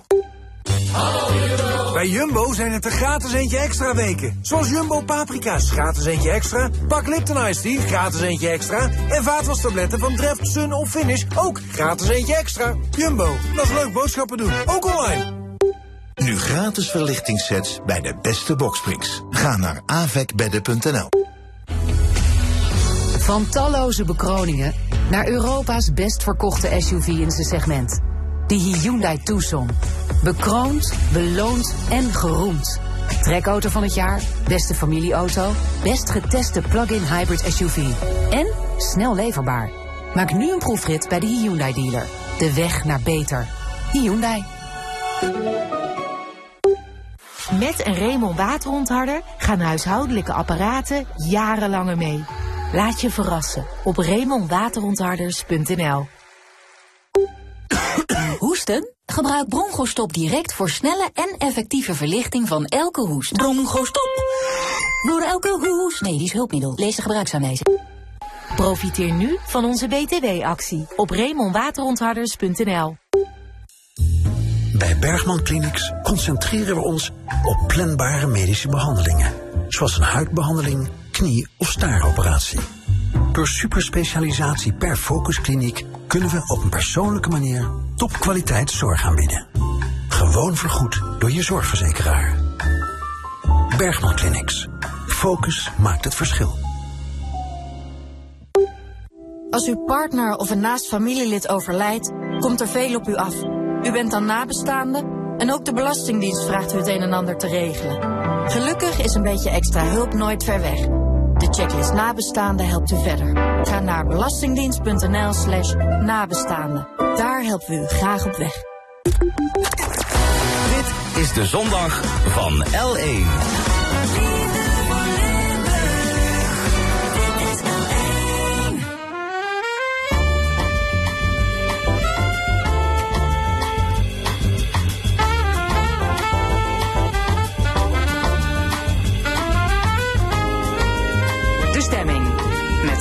En Fons Geraerts. Opnieuw welkom bij de stemming. Wat allemaal in dit tweede en laatste uur. Straks het panel met Luc Wienans, Armo Leenaars en Henk Verrek. En zij discussiëren over de aanval van Rutte en Schippers op PvdA en GroenLinks en andere actuele zaken. Een column van Jos van Wersch over het WMC, maar eerst ChatGPT. Dat is een spraakmakend nieuw computerprogramma. Eigenlijk een tekstgenerator. Je geeft een opdracht en met één druk op de knop vloept een goed leesbare tekst op je scherm. ChatGPT wordt gezien als een revolutionaire vinding. En dus zijn er ook kritische geluiden. Over de voor- en de nadelen van deze schrijfchatbot gaan we praten met techniekfilosoof Kathleen Gabriels en nieuwe mediapionier Frank Hoen. Ja, goedemiddag allebei. Um, Kathleen Gabriels, wanneer hoorde u voor de eerste keer over ChatGPT? Wel, bij de grote doorbraak in november 2022. Ik uh, gaf toen een vak over kunstmatige intelligentie aan de Universiteit Maastricht binnen de Bachelor Digital Society. En eigenlijk is die doorbraak in het midden van het vak gekomen. Dus dan hebben we het er, er al meteen over gehad. Wat heel fijn is, want vorig jaar uh, in 2021 was dan de, door, uh, was dan de transitie van Facebook naar Meta. Uh, zo zijn er eigenlijk elk jaar nieuwe dingen om Mhm. meteen over te praten. Hoe verbluffend is deze nieuwe vinding? Wel, als je gaat kijken naar natural language processing, dus het domein binnen kunstmatige intelligentie dat focust op taal, taal leren en computers, is het wel op zich een hele goede uiting van taal. Heeft heel lang geduurd, want de droom was er sinds de jaren 50. Maar taal is ongelooflijk moeilijk. Taal heeft een context. En het is maar, ja, als je gaat kijken in de geschiedenis, dus in 1989 het World Wide Web. Sindsdien heeft het internet een aantal nieuwe evoluties uh, ondergaan, waaronder uh, mobiel internet. Dus nu hebben we heel veel data om die algoritmen mee te trainen. En daardoor hebben we nu die doorbraak, want die uh, chatbot is getraind met een ongelooflijke databank aan teksten. Er zitten ook mensen achter, dus het is niet zo magisch als mensen misschien denken. Die bij GPT staat voor pre-trained. Dus er zit, uh, er zit heel veel menselijke kennis nog achter. Uh, maar dus op het vlak van taal is het wel veel beter dan we al gekend hebben. Okay. Zeker ook in het Nederlands. Al moet ik wel misschien met een voorbeeld duidelijk maken dat context moeilijk blijft. Want ik, ik heb gevraagd aan ChatGPT... Ja, daar, daar kom ik okay, straks, daar ja. kom ik straks op. Frank Hoen, uh, nieuwe mediapionier, eigenaar van het bedrijf NetPresenter. Mm -hmm. Hoe opgetogen bent u? ChatGPT is een fantastisch uithangbord voor uh, deze technologie AI. En voor alle duidelijkheid, we worden omringd door AI. U gebruikt dagelijks verschillende AI's. Op het werk zijn verschillende AI's. Dit is een fantastisch uithangbord. Uh, een beetje zoals het spannende vriendje eigenlijk. Dus. Ja, Spannend. uithangborden is ook een hele grote gebeurtenis. Is er een is, revolutie het, op computergebied? Oh, nou ja, goed. Ik, ik Te durf... vergelijken met de smartphone en het internet? Nou, Sam Altman, de, de, de directeur van OpenAI, onthoud dat bedrijf. Microsoft heeft er 3 miljard eerst geïnvesteerd en nu 10 miljard als uh, vervolg. Die zegt eigenlijk van uh, trust the curve. Hè, dus, en daar bedoelt hij mee de exponentiële technische vooruitgang die een feit is. er gebeurde best wel al veel de afgelopen jaren met AI. Veel was ook, wat Kathleen zei in een vorig interview, een hype. Maar wat we nu zien is, hij zei, de, de curve was eerst plat en nu gaat hij steil omhoog. Het is werkelijk sinds november, sinds uh, ChatGPT, dat mooie jasje om OpenAI heen. Er is, uh, is er geen dag dat er niks gebeurt. De geest is uit de fles en uh, it's happening. De geest is uit de fles. Ja, het is een chatrobot. Je geeft een opdracht, bijvoorbeeld schrijf een artikel over de oorsprong van dat Limburgs dialect. En binnen één seconde krijg je een, ja, een, een, een forse tekst op je beeldscherm. Ja. Zo werkt het. Ja, er is uh, inderdaad, uh, data ligt eraan ten grondslag. Wij zijn onderdeel van het systeem. Hè. Het is een beta, het is experimenteel. Dat wil zeggen dat wat er soms gegenereerd wordt is uh, briljant, lijkt het in eerste instantie. En dan ga je doorvragen. En als je echt diep doorvraagt, dan, dan kan het systeem soms ook een beetje gaan hallucineren. Dus ik ken al vrienden uh, die, die, die nu een scriptie hebben geschreven en inmiddels gediplomeerd tandarts zijn. Die zaten ja, ja. vast met hun scriptie en die ja. hebben het gehaald. Ja, het, het, programma levert van alles. Hè? Ja. Ook gedichten, verhalen, opiniestukken, samenvattingen, recepten. Alle, alles? Tot en met 2021. Ja. Heb je het geprobeerd om Uiteraard. na die tijd iets... Dus uh, wat ik heb gevraagd als mijn eerste zoekopdracht, uh, uh, of eerste opdracht, was vertel me meer over de begrafenis van Queen Elizabeth. En toen werd ik terecht gewezen door de chatbot dat het ongepast is om te vragen naar de begrafenis van mensen die nog leven. Oké, okay, dus niet helemaal up-to-date dus. Nee, nee, nee. Hoe is de kwaliteit over het algemeen? Ja, oppervlakkig gezien uh, heel goed. Uh, en, en ook qua beschrijving. Dus als je zou vragen wat is de stemming voor programma, dan kan die geplukt van het internet een goede omschrijving geven. Maar hoe complexer de vraag, hoe moeilijker die het zal hebben. Um, dus uh, het voorbeeld dat ik er net wou geven is het belang van context. Dus ik had ook gevraagd, schrijf een K3-lied over carnaval. En dan was een van de zinnetjes, strooide pepernoten in het rond. Omdat ja, waarschijnlijk heeft hij uh, Sinterklaas met carnaval uh, verwacht. Dus uh, ik heb ook geprobeerd om ja, meer academische teksten eruit te krijgen. En dan, wij, wij moeten natuurlijk refereren aan academische bronnen. En dat kan die op het eerste gezicht. Dus die kan dan die zogenaamde APA-style, dat is onze vorm van refereren, doen, maar compleet verzonnen. Dus wat hij daaruit haalt is wel de volgorde van hoe wij refereren, maar de referenties zelf zijn compleet okay. verzonnen. Dat is Frank wat jij ja. er straks bedoelde met als hij niet meer weet gaat hij hallucineren. Ja, eigenlijk is het, uh, het, het, interessante is van um, als je je gezond verstand gebruikt, dan kan het heel nuttig zijn. Maar ook bij die scriptie, de bronnen ja, oh, die had ik nooit gevonden. Hoe kan dat nu? Omdat ze niet bestaan. Dus um, het kan heel nuttig zijn. Um, ik denk dat er menig, uh, ik ga een beetje provoceren, een beetje menig suf communicatiebureautje die, die middelmatige teksten uh, maakt, uh, hier toch echt een probleem mee zou kunnen gaan krijgen. Uh, simpele, uh, ik heb bijvoorbeeld een verweer geschreven, een, een aanmaningsbrief, uh, inbreuk van een copyright en dergelijke juridische teksten. Ook even na laten kijken, het klopte. Dus de eerste aanzet, die klopt. Maar je moet inderdaad uitkijken naar de, de verdieping. Dus je moet je gezond verstand ja. gaan gebruiken. Ja, iemand had iets gevraagd over hoe je de spijsvertering van een baby kunt stimuleren. Ja. door het toevoegen van gemalen porselein aan moedermelk. En dat werd door die ja. Chatbox gewoon be bevestigd. Ja, ja, dus het is dus oppassen geblazen. De, ga, de, gaten worden wel gedicht. Hè. Wij zijn de beta-testers. Uh, wat, wat Kathleen ook al uh, aanhaalde. Wij zijn onderdeel van het, uh, van het systeem. Ik kon het begin, eind november, begin december, kon ik het systeem nog wijsmaken dat 1 plus 1 toch, toch echt 3 was. en dat kan niet meer. dus men is gaten aan het dichten. Maar dan kom je eigenlijk op een heel interessant stuk. want we hebben dit AI, OpenAI, uh, hun platform en wat eronder zit, groot AI-net uh, product, uh, GPT. En we hebben aan de andere kant Google, die ook aan de basis staat van dit succes deels, gek genoeg. De grote oorlog is nu aan de ene kant OpenAI en Microsoft. Microsoft gaat het in haar producten gooien. Microsoft denkt dat er een herkansing voor Bing in zit. Aan de andere kant 250 miljard hè, dollar, de jaaromzet van Google. En zij durven het niet aan. Er wordt gezegd, Lambda 2, hun systeem, is wellicht uh, zelfs beter. Ze hebben in ieder geval een veel grotere dataverzameling. Uh, en ook al uh, via het internet. Dus wat je dus nu krijgt, is de grote oorlog tussen Google, die het niet aandurven. Waarom durven ze niet aan? Eén, omdat hun verdienmodel eraan zou gaan. En de andere, als er een antwoord komt, staat een antwoord van Google op jouw vraag en die klopt niet. Ja, dan is Google aansprakelijk. Ja. Maar leg eens uit. Uh, ChatGPT is gratis. Wat ja. is dan het verdienmodel eigenlijk? Het verdienmodel is tokens. Wij hebben de API. Tokens? Is, uh, uh, ja, muntjes. Uh, muntgeld. Ik weet niet hoe je het zou zeggen, Kathleen. Het, is, het zijn muntjes. Je, je kunt het gratis gebruiken totdat je het niet meer gratis kan gebruiken als je te veel gebruikt. En die tokens, dat is wat er gegenereerd wordt of verwerkt wordt per woord. Dan betaal je een fractie van een, een honderdste of een duizendste van, het, van een cent betaal je daarvoor. En als dat dus te veel wordt, dan moet je er gewoon voor, voor betalen. Ze hebben nu al een, uh, een omzet sinds de launch van ChatGPT van 100 miljoen. Dus we zitten op de snelste technische acceptatie eigenlijk. Dus hoeveel gebruikers zitten we nou, Kathleen?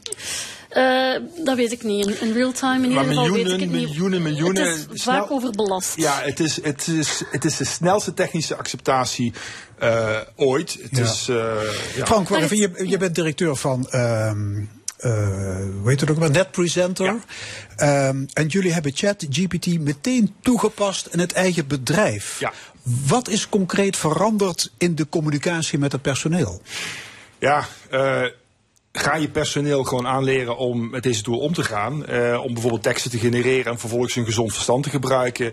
Wij hebben een AI-plicht. Je moet hiermee uh, werken. Je moet ook weten wat de beperkingen zijn. Je moet ook weten wat fout kan zijn. En wij zien nu een productiviteitsverbetering. Dus één, enerzijds moet het personeel moet hiermee aan de slag. Ja. Maar concreet, e-mail en ja. intranet en ja. Teams enzovoorts. Kan dat allemaal eruit?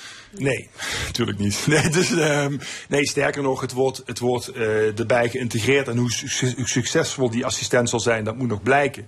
Nee, dit is een, een, een het kan een nuttige uh, uh, middel zijn om bepaalde content te genereren. Ja. Kan. Mag ik iets over de kosten zeggen? Want daar zitten toch wel wat heel veel ethische kanten aan. Dus op dit moment gebruiken we het allemaal gratis, maar eigenlijk werken wij op dit moment voor OpenAI. Want wij geven de hele tijd feedback over hoe goed het systeem werkt. Dus we zijn gratis aan het werken om hun beta-versie beter te maken. Dus hoe um, meer gebruikers, hoe geavanceerder ja, het systeem wordt? Ja, absoluut. En we doen dat allemaal gratis. Um, OpenAI is ook al in opspraak gekomen omdat uh, ze heel veel uh, hebben uitbesteed aan lage loonlanden. Onder andere in Kenia hebben mensen uh, eigenlijk ja, tegen een ongelooflijk laag loon moeten helpen om beledigende taal eruit te halen. Dus dat is ook nog een hele kritische kanttekening bij big tech in het algemeen. Okay, maar hoeven nu op tot een soort boycott van nee, absoluut de, de niet. Maar ik denk dat wij zeker naar onze leerlingen en studenten toe de plicht hebben om ook die achterkant en die schaduwzijde te tonen. Ook op het vlak van duurzaamheid, dus de kosten voor het milieu, de ecologische voetafdruk. Als wij daar allemaal en masse op zitten en uh, het systeem is heel vaak overbelast, kost heel veel om die servers draaiende te houden. Dus er, ook, er is ook al heel veel kritiek over ja, uh, CO2-uitstoot enzovoort ja. door dit systeem. En um, ja, Frank haalde het al eerder aan. Het is een hype. Je ziet nu eigenlijk een heel typisch verloop van hoe dat nieuwe technologie geïntroduceerd wordt in de maatschappij. Je hebt mensen enerzijds die bang zijn van wat komt er op ons af. Anderzijds mensen die spreken over het iPhone-moment. En ik denk dat mijn taak hier ook is om te zeggen, hou het hoofd koel. Cool. en kijk ook kritisch naar uh, niet alleen de technologie zelf. Er, zijn, er zitten nog heel veel ja, maar zo meteen nog even over de, over de nadelen. Maar, Maar, wat kijk, zijn nou... kijk er wel naar. Ik denk dat dat een ja, beetje... dat- omarm het in die zin dat Kathleen, wat zijn de grote verbieden. voordelen van die chatbot? Leg Wel, dat eens uit. Dus uh, wat ik dus al eerder zei, die doorbraken op het vlak van taal, dat is echt indrukwekkend. Um, taal is, zoals ik al eerder zei, heel moeilijk. Uh, de voor, voordelen is denk ik dat het een soort hulpinstrument kan Ne- zijn. Neemt het veel mensen werk uit handen? Ja, ligt eraan. Ik denk wel um, dat Mits goed gebruikt. naar onderwijs toe dat we uh, moeten waakzaam zijn dat we nu niet in paniek geraken en het systeem gaan verbieden. Nou ja, er is Uh, heel veel onrust in het onderwijs. Ja, heel veel onrust. En ik denk dat Men is bang dat leerlingen massaal scripties en opstellen van die tekstgenerator Ja. gaan, plukken. Dat hè? doen ze. Dat doen ze. Er was al eh, een blog op scholieren.com. Tegelijkertijd zijn er nog altijd manieren om dat te omzeilen. Door bijvoorbeeld schrijfopdrachten in de klas of op de campus te geven. De grootste fout die we kunnen maken is door niet meer op schrijven in te zetten. Gewoon omdat schrijven een vorm van denken is. Jij structureren blijft van op de universiteit gewoon schrijfopdrachten geven. Absoluut, maar ook je kan hen ook vragen, hebben we al gedaan? Eh, hebben we al gedaan. We hebben ehm, eh, hen gevraagd om ermee te werken en om dan ook zelf kritisch te reflecteren op eh, wat is goed, wat is minder goed aan het systeem. Maar dan praat, je, Hoen? dan praat je eigenlijk over de ethiek. Kijk, we verlangen ook niet terug naar de kroontjespen. Ik zeker niet als linkshandige met, eh met ik, ik, ik overdrijf een beetje, Kathleen. Ik hoop dat je me dat permitteert. Je hebt hier iets waarmee je dus een nieuwe generatie eh, in principe kunt leren om, op een hoger niveau te functioneren. Eh, niet meer op de punt en de komma, maar gewoon wellicht op een hoger denkniveau aan de slag te kunnen gaan. Eh, schrijven is een deel van intelligentie. Het is niet de gehele intelligentie. Dus je, je zou kunnen stellen dat deze tool het, het mogelijk maakt om wat abstracter te kunnen functioneren. Zonder dat je je op te, veel in de nitty-gritty stof druk zou hoeven te maken. En ik, ik, ik denk echt dat mits goed gebruikt en mits. Ik zie, eh, ik zie je kijken, mits goed gebruik, mits je weet wat de voor- en nadelen zijn. Eh, en daar gaat het natuurlijk mis hè, bij het gewone publiek vaak, eh, let's face it. ehm, dat het echt een nuttige tool kan zijn voor het bedrijfsleven, voor, voor studenten. Uh, maar je hebt wel die bewustwording nodig. Ja. En daar gaat het juist mis, want, want onze kijk op de wereld wordt bepaald, uh, ook van uw publiek, vaak door de AI's van Facebook, van YouTube. Hè. Dokter YouTube is, uh, is soms geloofwaardiger volgens sommige mensen dan de echte dokter. Dus AI bepaalt al voor een belangrijk deel de realiteit. En als je dus maar klakkeloos gaat aannemen wat er uitkomt uit ChatGPT, daar gaat het mis. En even los van de ethische uh, issues die Kathleen ongetwijfeld kan doen qua privacy, van wie is de content. Uh, gooi je alsjeblieft niet je vertrouwelijke gegevens voor ons nog in. Maar gebruik het wel als, als, als middel en begin ermee, want je concurrent is er ook mee bezig. Ja. Kathleen Gabriels, je bent computerethicus, ja. je gaat over moraliteit en ja. technologie. Wat zijn de grote gevaren van ChatGPT? Wel, ik denk ten eerste de term vertrouwen. Uh, in de zin van dat we heel veel vertrouwen gaan steken in dat uh, systeem, dat we daar ook op een antropomorfe manier mee omgaan, dat we veel meer verwachtingen daarop projecteren dat het eigenlijk kan. En anderzijds minder vertrouwen hebben in uh, leerlingen en studenten om hen nu allemaal als een soort van fraudeur te gaan beschouwen. Ik denk dat dat, dat ook overdreven is. Ik wil wel nog even zeggen dat je maar een hoger denk- en schrijfniveau kan hebben als de basis goed zit. Dus vandaar dat ik zeg, je moet erop blijven inzetten op die schrijfvaardigheden. Um, dus ja, wat is uh, nog andere vormen van, van op ethisch vlak? Ik denk ja, problematiek op het vlak van uh, phishing. Dus tot nu toe vielen criminelen nog vaak door de mand door slecht taalgebruik. Ja, ChatGPT maakt die fouten niet, dus het wordt al maar beter. Ja, maar ik las in een opiniestuk, we stevenen af op een informatieapocalyps. Nepnieuws, samenzweringstheorieën en deepfakes zijn kinderspel vergeleken met wat ja. ChatGPT allemaal kan. Nou, dat klinkt nogal die, omineus. Die, focus op ChatGPT, uh, even uitzoomen. Er zijn veel uh, AI-modellen. Uh, er is veel meer dan ChatGPT alleen. we kunnen hier nu letterlijk virtuele. We kunnen nu al uw stem nabootsen. We kunnen nu al uw uiterlijk nabootsen. En dan zit hier dus een virtuele presentator. En die is door veel mensen niet van echt te onderscheiden. Dus de technologie bestaat nu al. Uh, ik denk, als je je focust op, op puur het slechte wat een technologie kan brengen, dan, dan mis je dus uh, de kans. De geest is uit de fles. Je, je zult ermee moeten dealen. Je zult ermee moeten leren leven. En uh, dat wil zeggen, ga ermee aan de slag. Maar ben je bewust van inderdaad precies dit. Het deepfakes, misbruik hiervan en dergelijke.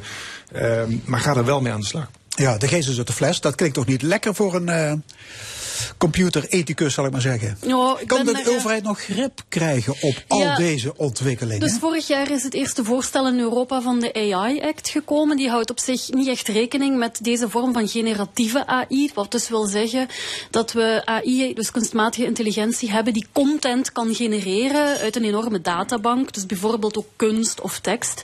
Um, maar die AI-act die heeft eigenlijk vier niveaus van risico's. Van onaanvaardbaar tot licht uh, risico. En um, dit staat, um, dus de ChatGPT zelf staat er niet in, maar bijvoorbeeld wel uh, het feit dat, je, dat een mens moet weten wanneer dat hij met een computertechnologie converseert uh, en uh, dat dat transparant moet zijn, dat staat er wel in.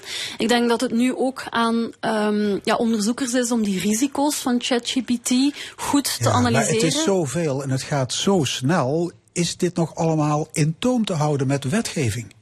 Wel, voor een stukje zitten een aantal zaken al in regelgeving. Bijvoorbeeld academische integriteit. Dat is iets wat, wat, wat bestaat uh, aan universiteiten. Uh, fraude, uh, plagiaat, die zaken vallen al onder regelgeving. We zullen het natuurlijk moeten bijbenen om een goed ethisch kader te hebben.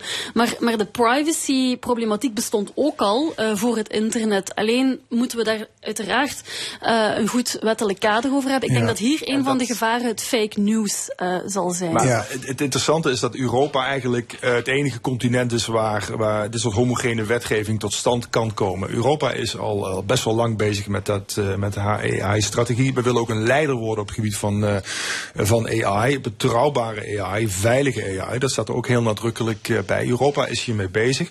Dus de wetgeving zal vooral komen, vooral komen uit, uit Europa. En, uh, maar, uh, en dat is heel belangrijk, de AI-oorlog, dat is ook een geopolitieke oorlog. Uh, degene die, dat is wel de consensus, degene die de beste AI-technologie-platformen heeft, het is vooral Big Tech nu op dit moment, die wint. En die wint dan ook werkelijk alles. Kortom, we moeten op ons, op ons kiwi zijn. ja, China, Amerika. Dus wat dat betreft, uh, er is maar één manier. Uh, ga ermee aan de slag. Waar, waar gaat dit allemaal eindigen? Goh, bedoel- ik vind dat ook weer zo'n eh, een onheilspellende gedachte. Ik denk, we hebben nu een aantal doorbraken, maar de, al die verwachtingen die hierop geprojecteerd worden, dat gaat ook weer leiden tot een aantal teleurstellingen. Want wat ik al heb gelezen over waar dat die technologie toe in staat zou zijn, dat klopt helemaal niet. Ik denk wel dat... eh, Vooralsnog. Dus eh, let's face it. Hè. Dus het systeem leert van dag tot dag bij. En het model wordt van dag tot dag ook beter. Dat heb je ook kunnen vaststellen. Maar ga door. Ja, maar dat wil niet zeggen dat we nu. Kijk, die angst om vervangen te worden door technologie is ook heel oud. Eh, dus dat wil niet zeggen dat we nu ineens allemaal vervangen gaan worden. We zien bijvoorbeeld wel dat een aantal hooggeschoolde beroepen, zoals het artsenberoep, ook verandert door AI.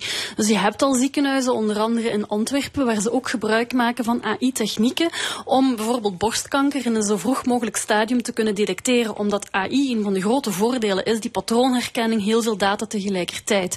Maar dat wil niet zeggen dat er geen artsen meer nodig zijn, wel dat AI als een hulpmiddel, als een tool erbij komt. Dus ik wil vooral eh, eh, die sci-fi angsten een beetje eh, temperen. Oké, we blijven het volgen hier in de stemming. Mag ik jullie hartelijk danken voor dit gesprek. Kathleen Gabriels en Frank Hoen. All the leaves are brown and the sky is gray. For a walk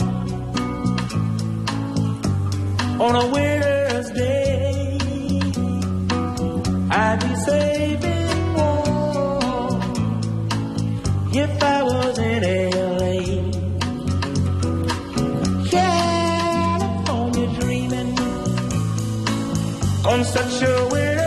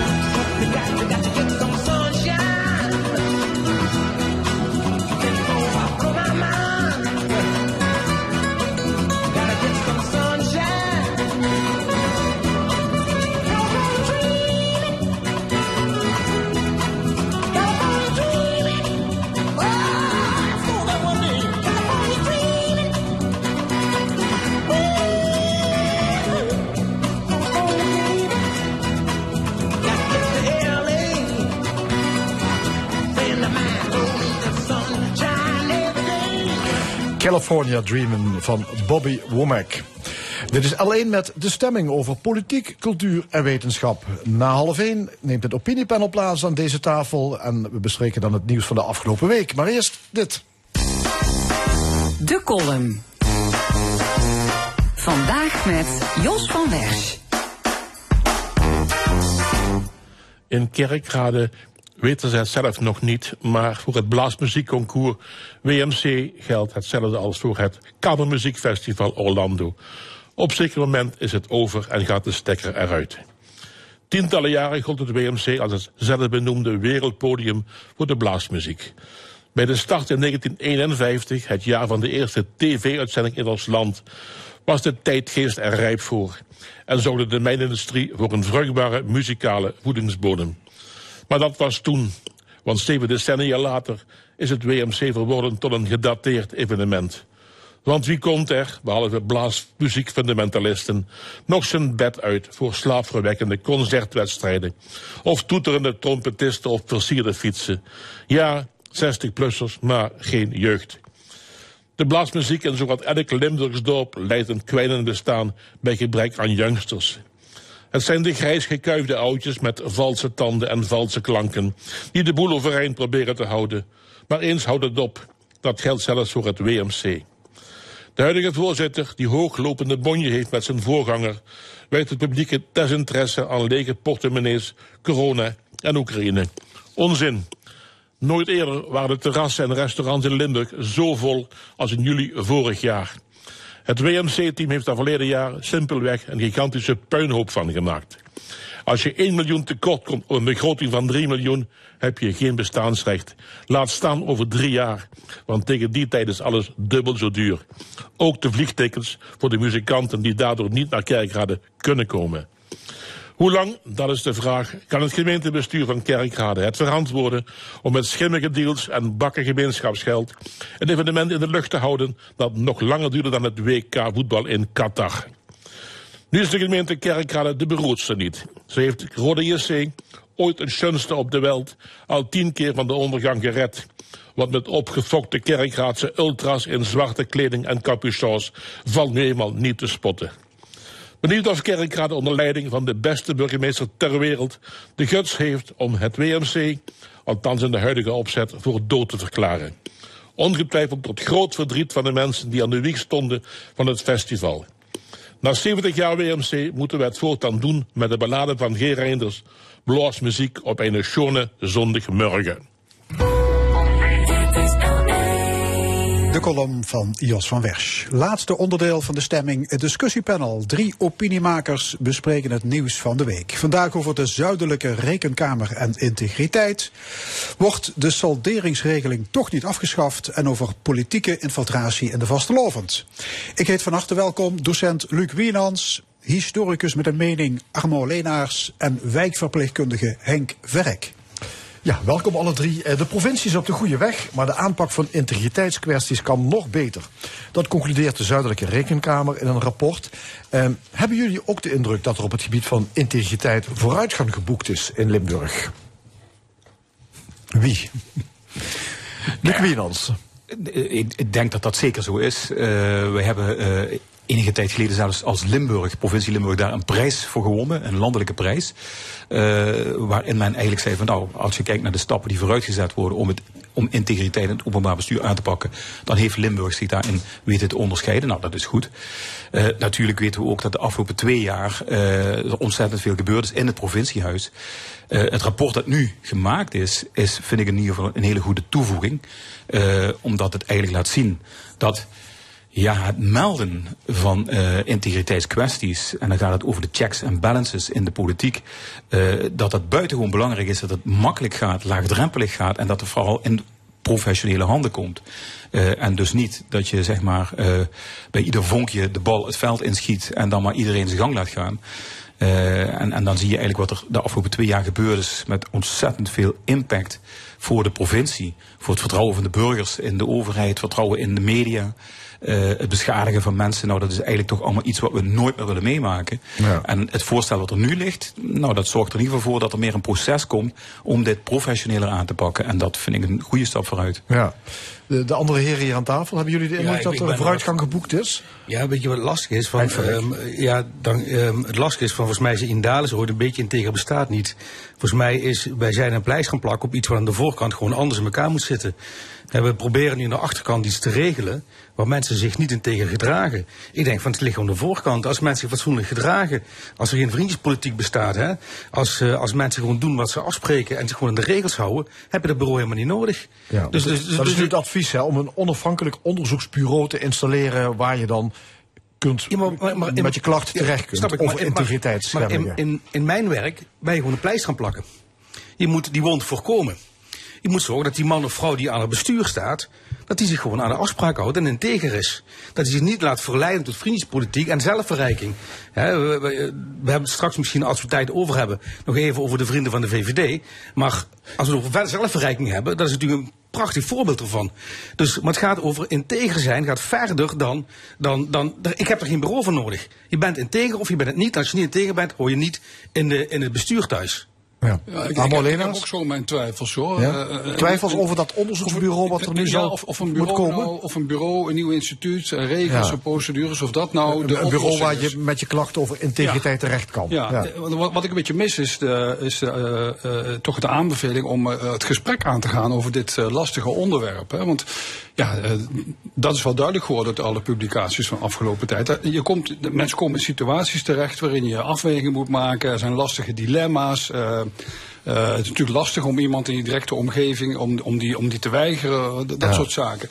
En wat ik begrijp eh, is het probleem bij de provincie Limburg dat het eh, voor bijvoorbeeld ambtenaren moeilijk is om echt een tegengeluid te laten horen. En dat zou je dus moeten stimuleren, denk ik. Ja, we hebben natuurlijk wat zaken gehad. Hè. De IKL-affaire met de voormalig gedupeteerde Herman Vreeën... die daar eh, in de fout ging. Ger Koopmans, die zat, dat, dat was met de TEROK... eh, nou ja, om, gaat te ver om dat allemaal uit te leggen. De hele provinciebestuur is trouwens op een gegeven moment afgetreden... inclusief de gouverneur. Z- zou dat een een louterend effect hebben gehad? Zou, zouden ambtenaren, bestuurders... zouden die nu kritischer zijn op zichzelf... en wellicht hun directe omgeving? Nou, misschien, ik, ik vind het altijd wel aardig als we het daarover hebben. Dan, dan komt mij dat beeld weer van de Franse filosoof eh, Montesquieu voor ogen. Die al in 1740 zei van iedereen die macht heeft, heeft ook de neiging om macht te misbruiken. en, eh, en toen heeft hij de trias politica bedacht. Heel slim. Het heeft nog jaren geduurd, tot na de Franse revolutie in 1789, dat we daar eindelijk eens echt serieus mee aan de slag zijn gegaan. Het staat nu. En dat geeft al een zuivering in, zeg maar, in het openbaar bestuur. En dat is goed hoe dat gehanteerd wordt. Dat dat niet genoeg is, dat is wel gebleken in de afgelopen jaren. Omdat ook de maatschappelijke blik op het bestuur verandert. Ehm, en dan zie je dat de stappen die nu gezet zijn, als je daar met terugwerkende kracht naar kijkt. Ja, laat ik zeggen, ik heb zelf een situatie ook meegemaakt waarin toch eh, anonieme bronnen eh, verwijten eh, de wereld inslingeren van, over strafbare feiten van, van een politicus. Eh, nou, vervolgens, voordat het onderzoek klaar is en voordat de media klaar is om daar dan alles over te schrijven, eh, komt er een resultaat uit waar blijkt dat er helemaal geen sprake is van strafbare feiten. Maar ondertussen is het leed wel geschied. Is er een enorme schade, een persoonlijke schade aan de reputatie van mensen. Eh, er is heel veel vertrouwen geschaad bij de, bij de burgers. En laat staan, de politiek is de grootste verliezer. Want het vertrouwen daarin, en wat je toch iedere keer weer vraagt van de burger, dat is daar ook enorm mee geschonden. Dus alles wat je kunt doen om in de huidige tijdsgeest te zeggen, we gaan het anders en beter doen, vind ik een stap vooruit. En zeker met het voorstel wat er nu ligt, om niet iets te laten zweven. Als daar een anonieme bron komt, dan kan ik mij voorstellen dat dit bureau in ieder geval ook zegt van nou, laten we dan maar eens even grondig gaan kijken wat de belangen zijn van de anonieme bron. Eh, en, en, en dan in die zuiverheid ook handelen eh, om, om, om, ja, om zo'n probleem echt tot op het ja, tot op, op de kern eigenlijk uit te zoeken. Ja, ik begrijp dat er in het provinciehuis sowieso lang eh, het idee is geweest... als het niet verboden is, dan kan het, dan mag het. Dat is een mooie stelling. Als het niet verboden is, dan mag het. Ja, maar dat, dat, dat hoor je op heel dat heb je Ja. heb ik de afgelopen jaren op heel veel plekken gehoord, Ja. ook in het bedrijfsleven. En dat Ja, maar- is denk ik iets waar we, waar we vanaf moeten. Want Maar- dat is, maar- dat is een, net het punt. Maar, maar de vraag is, weet je, de vraag is een beetje van, moeten wij dan alles maar vast, schriftelijk vastleggen wat wel en niet mag? Hè, snap je? Het gaat over van, je noemde net eh eh, eh, Koopmans met, met Tega. het gaat erover, je moet je realiseren, als ik op die plek ga zitten, kan ik dan eh, ehm, commissaris zijn bij zo'n bedrijf? Snap je, dat is een soort basisvraag. Snap je, ik ben het wel met Luc eens dat, dat want het, volgens mij is niets schadelijker dan anonieme bronnen, want die zijn ook niet, die kunnen je enorme schade toebrengen. Je kunt je niet verdedigen, want tegen wie moet je je verdedigen? Je kunt niet meer zeggen, het klopt niet. Hè, en als het wel klopt, moet je afvragen, ja, moet ik dan, hè, maar, maar het klopt, als het niet klopt, ja, dan kun je het niet tegen verdedigen. En dat is natuurlijk het allerlastigste, hoe moet je met een anonieme bron omgaan? En dan denk ik, daar ben ik wel met je eens van, dan is ook die, die, die, dat onderzoeksbureau kan een stap vooruit zijn, door te zeggen, ja, maar laten we dat bureau nu gaan inzetten om daar die anonieme bron in ieder geval te onderzoeken of dat wel of niet klopt. Ja. Was het in dit voorbeeld ook niet beter geweest als bijvoorbeeld een hoge ambtenaar had gezegd van is dat nou wel verstandig, gedeputeerde zijn en tegelijkertijd commissaris bij een bedrijf dat afhankelijk is van diezelfde provincie? Ja, De- ja, ja, is- ja, ja, ik ja, Heeft niemand dat officieel is dat natuurlijk een check. Hè? Eh, eh, op het moment dat je gedeputeerde wordt of wethouder, dan is er een, inderdaad een integriteitstoets en komen dit soort zaken boven water. En volgens mij, of deze is te laat boven water komen of niet. Ehm, maar in ieder geval, eh, normaal gesproken in alle eh, zuiverheid zoals de procedures in Limburg verlopen, wordt daar het moment eh, gecheckt van, van klopt het of klopt het niet. Ja, maar dit zou je toch ook zelf moeten aanvoelen? Ja, dat is zeker waar. Ja. maar ik, ik weet dat, dat, dat ehm, ehm, ik zit ook in de raad en heren en daar ben je gewoon verplicht om je nevenfuncties gewoon kenbaar te maken. Die staan gewoon op een openbare lijst, kan iedereen nagaan wat ik in mijn werk of in mijn naast mijn naast raadslid ben, ernaast doe. Staat gewoon beschreven. En dat geldt voor alle raadsleden. En op een gegeven moment komen er 18 die zeggen, oh, oh ja, oh ja, ja, ben ik helemaal vergeten dat ik het ook nog doe. Dus dan denk ik van, ja, maar wacht even, je weet toch wel wat je doet met je, in je leven. Dus het verbaast me soms, oh, dat soort dingen. Oké, we gaan naar een ander onderwerp. Gisteren stond in de Limburg een interview met de VVD-corrifeeën Mark Rutte en Edith Schippers, overgenomen van de Telegraaf. Ehm Henk Verrek, ja, je zei net, ik, ik zit in de raad, je bent fractievoorzitter van de PvdA in Heerlen. Wat was je eerste reactie na lezing? Nou, ik heb het ehm eh, diagonaal gelezen. En toen dacht ik, iemand die zo los uit de heup ziet, die heeft geen eigen verhaal. Want dat is, want, dat is nou natuurlijk wat je gewoon mis bij hun. Ik denk van iemand die zo tekeer gaat tegenover een, een eh, Partij van de Arbeid GroenLinks samenvoeging in de Eerste Kamer, die heeft gewoon geen eigen verhaal. En, en let op, eh, ehm, ehm, volgens mij zijn wij niet zijn vijand. Volgens mij zit zijn grootste tegenstander van Mark Rutte gewoon op, helemaal op rechts. Ja. Dat is de, de, de JA21 en de BBB's en dat soort zaken. Ik vond het nogal eh, ingestudeerd klinken allemaal. Ja, Arno. Typisch verkiezingsretoriek. Ja, natuurlijk. Dit is onderdeel van de campagne. Die is eh, gisteren begonnen, denk ik dan bij mezelf. Hè? Met, met een groot interview in, eh, in een bevriend dagblad. Het is ook ja, jammer dat kranten zich daarvoor lenen. Ik zou zeggen, een interview met de minister-president is prima, maar stel dan ook wat kritische vragen. Dat heb ik niet gezien.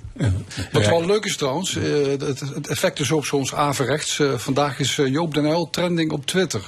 Nou, dat lijkt me niet helemaal de bedoeling van deze actie. Maar dat vind ik dan wel leuk, want mensen wat- mogen wat- best wat- meer weten over Mark dat Rutte zei in het interview, we moeten in Nederland niet terug naar de dagen van, Joop den Uyl. Ja, Dat- maar als ik Ja. van de week hoor hoe weinig mensen van geschiedenis weten, jonge mensen van de holocaust, die vandaag herdacht wordt eh, bijvoorbeeld, dan, eh, en Mark Rutte is historicus, vinden we wel leuk dat hij aandacht vraagt voor een heel bijzonder kabinet, namelijk Nou, dat van Joop den Uyl. Wil ik dat wel een, een, een handje helpen? Eh, ik zou iedereen willen aanbevelen, kijk dan nog eens even naar YouTube.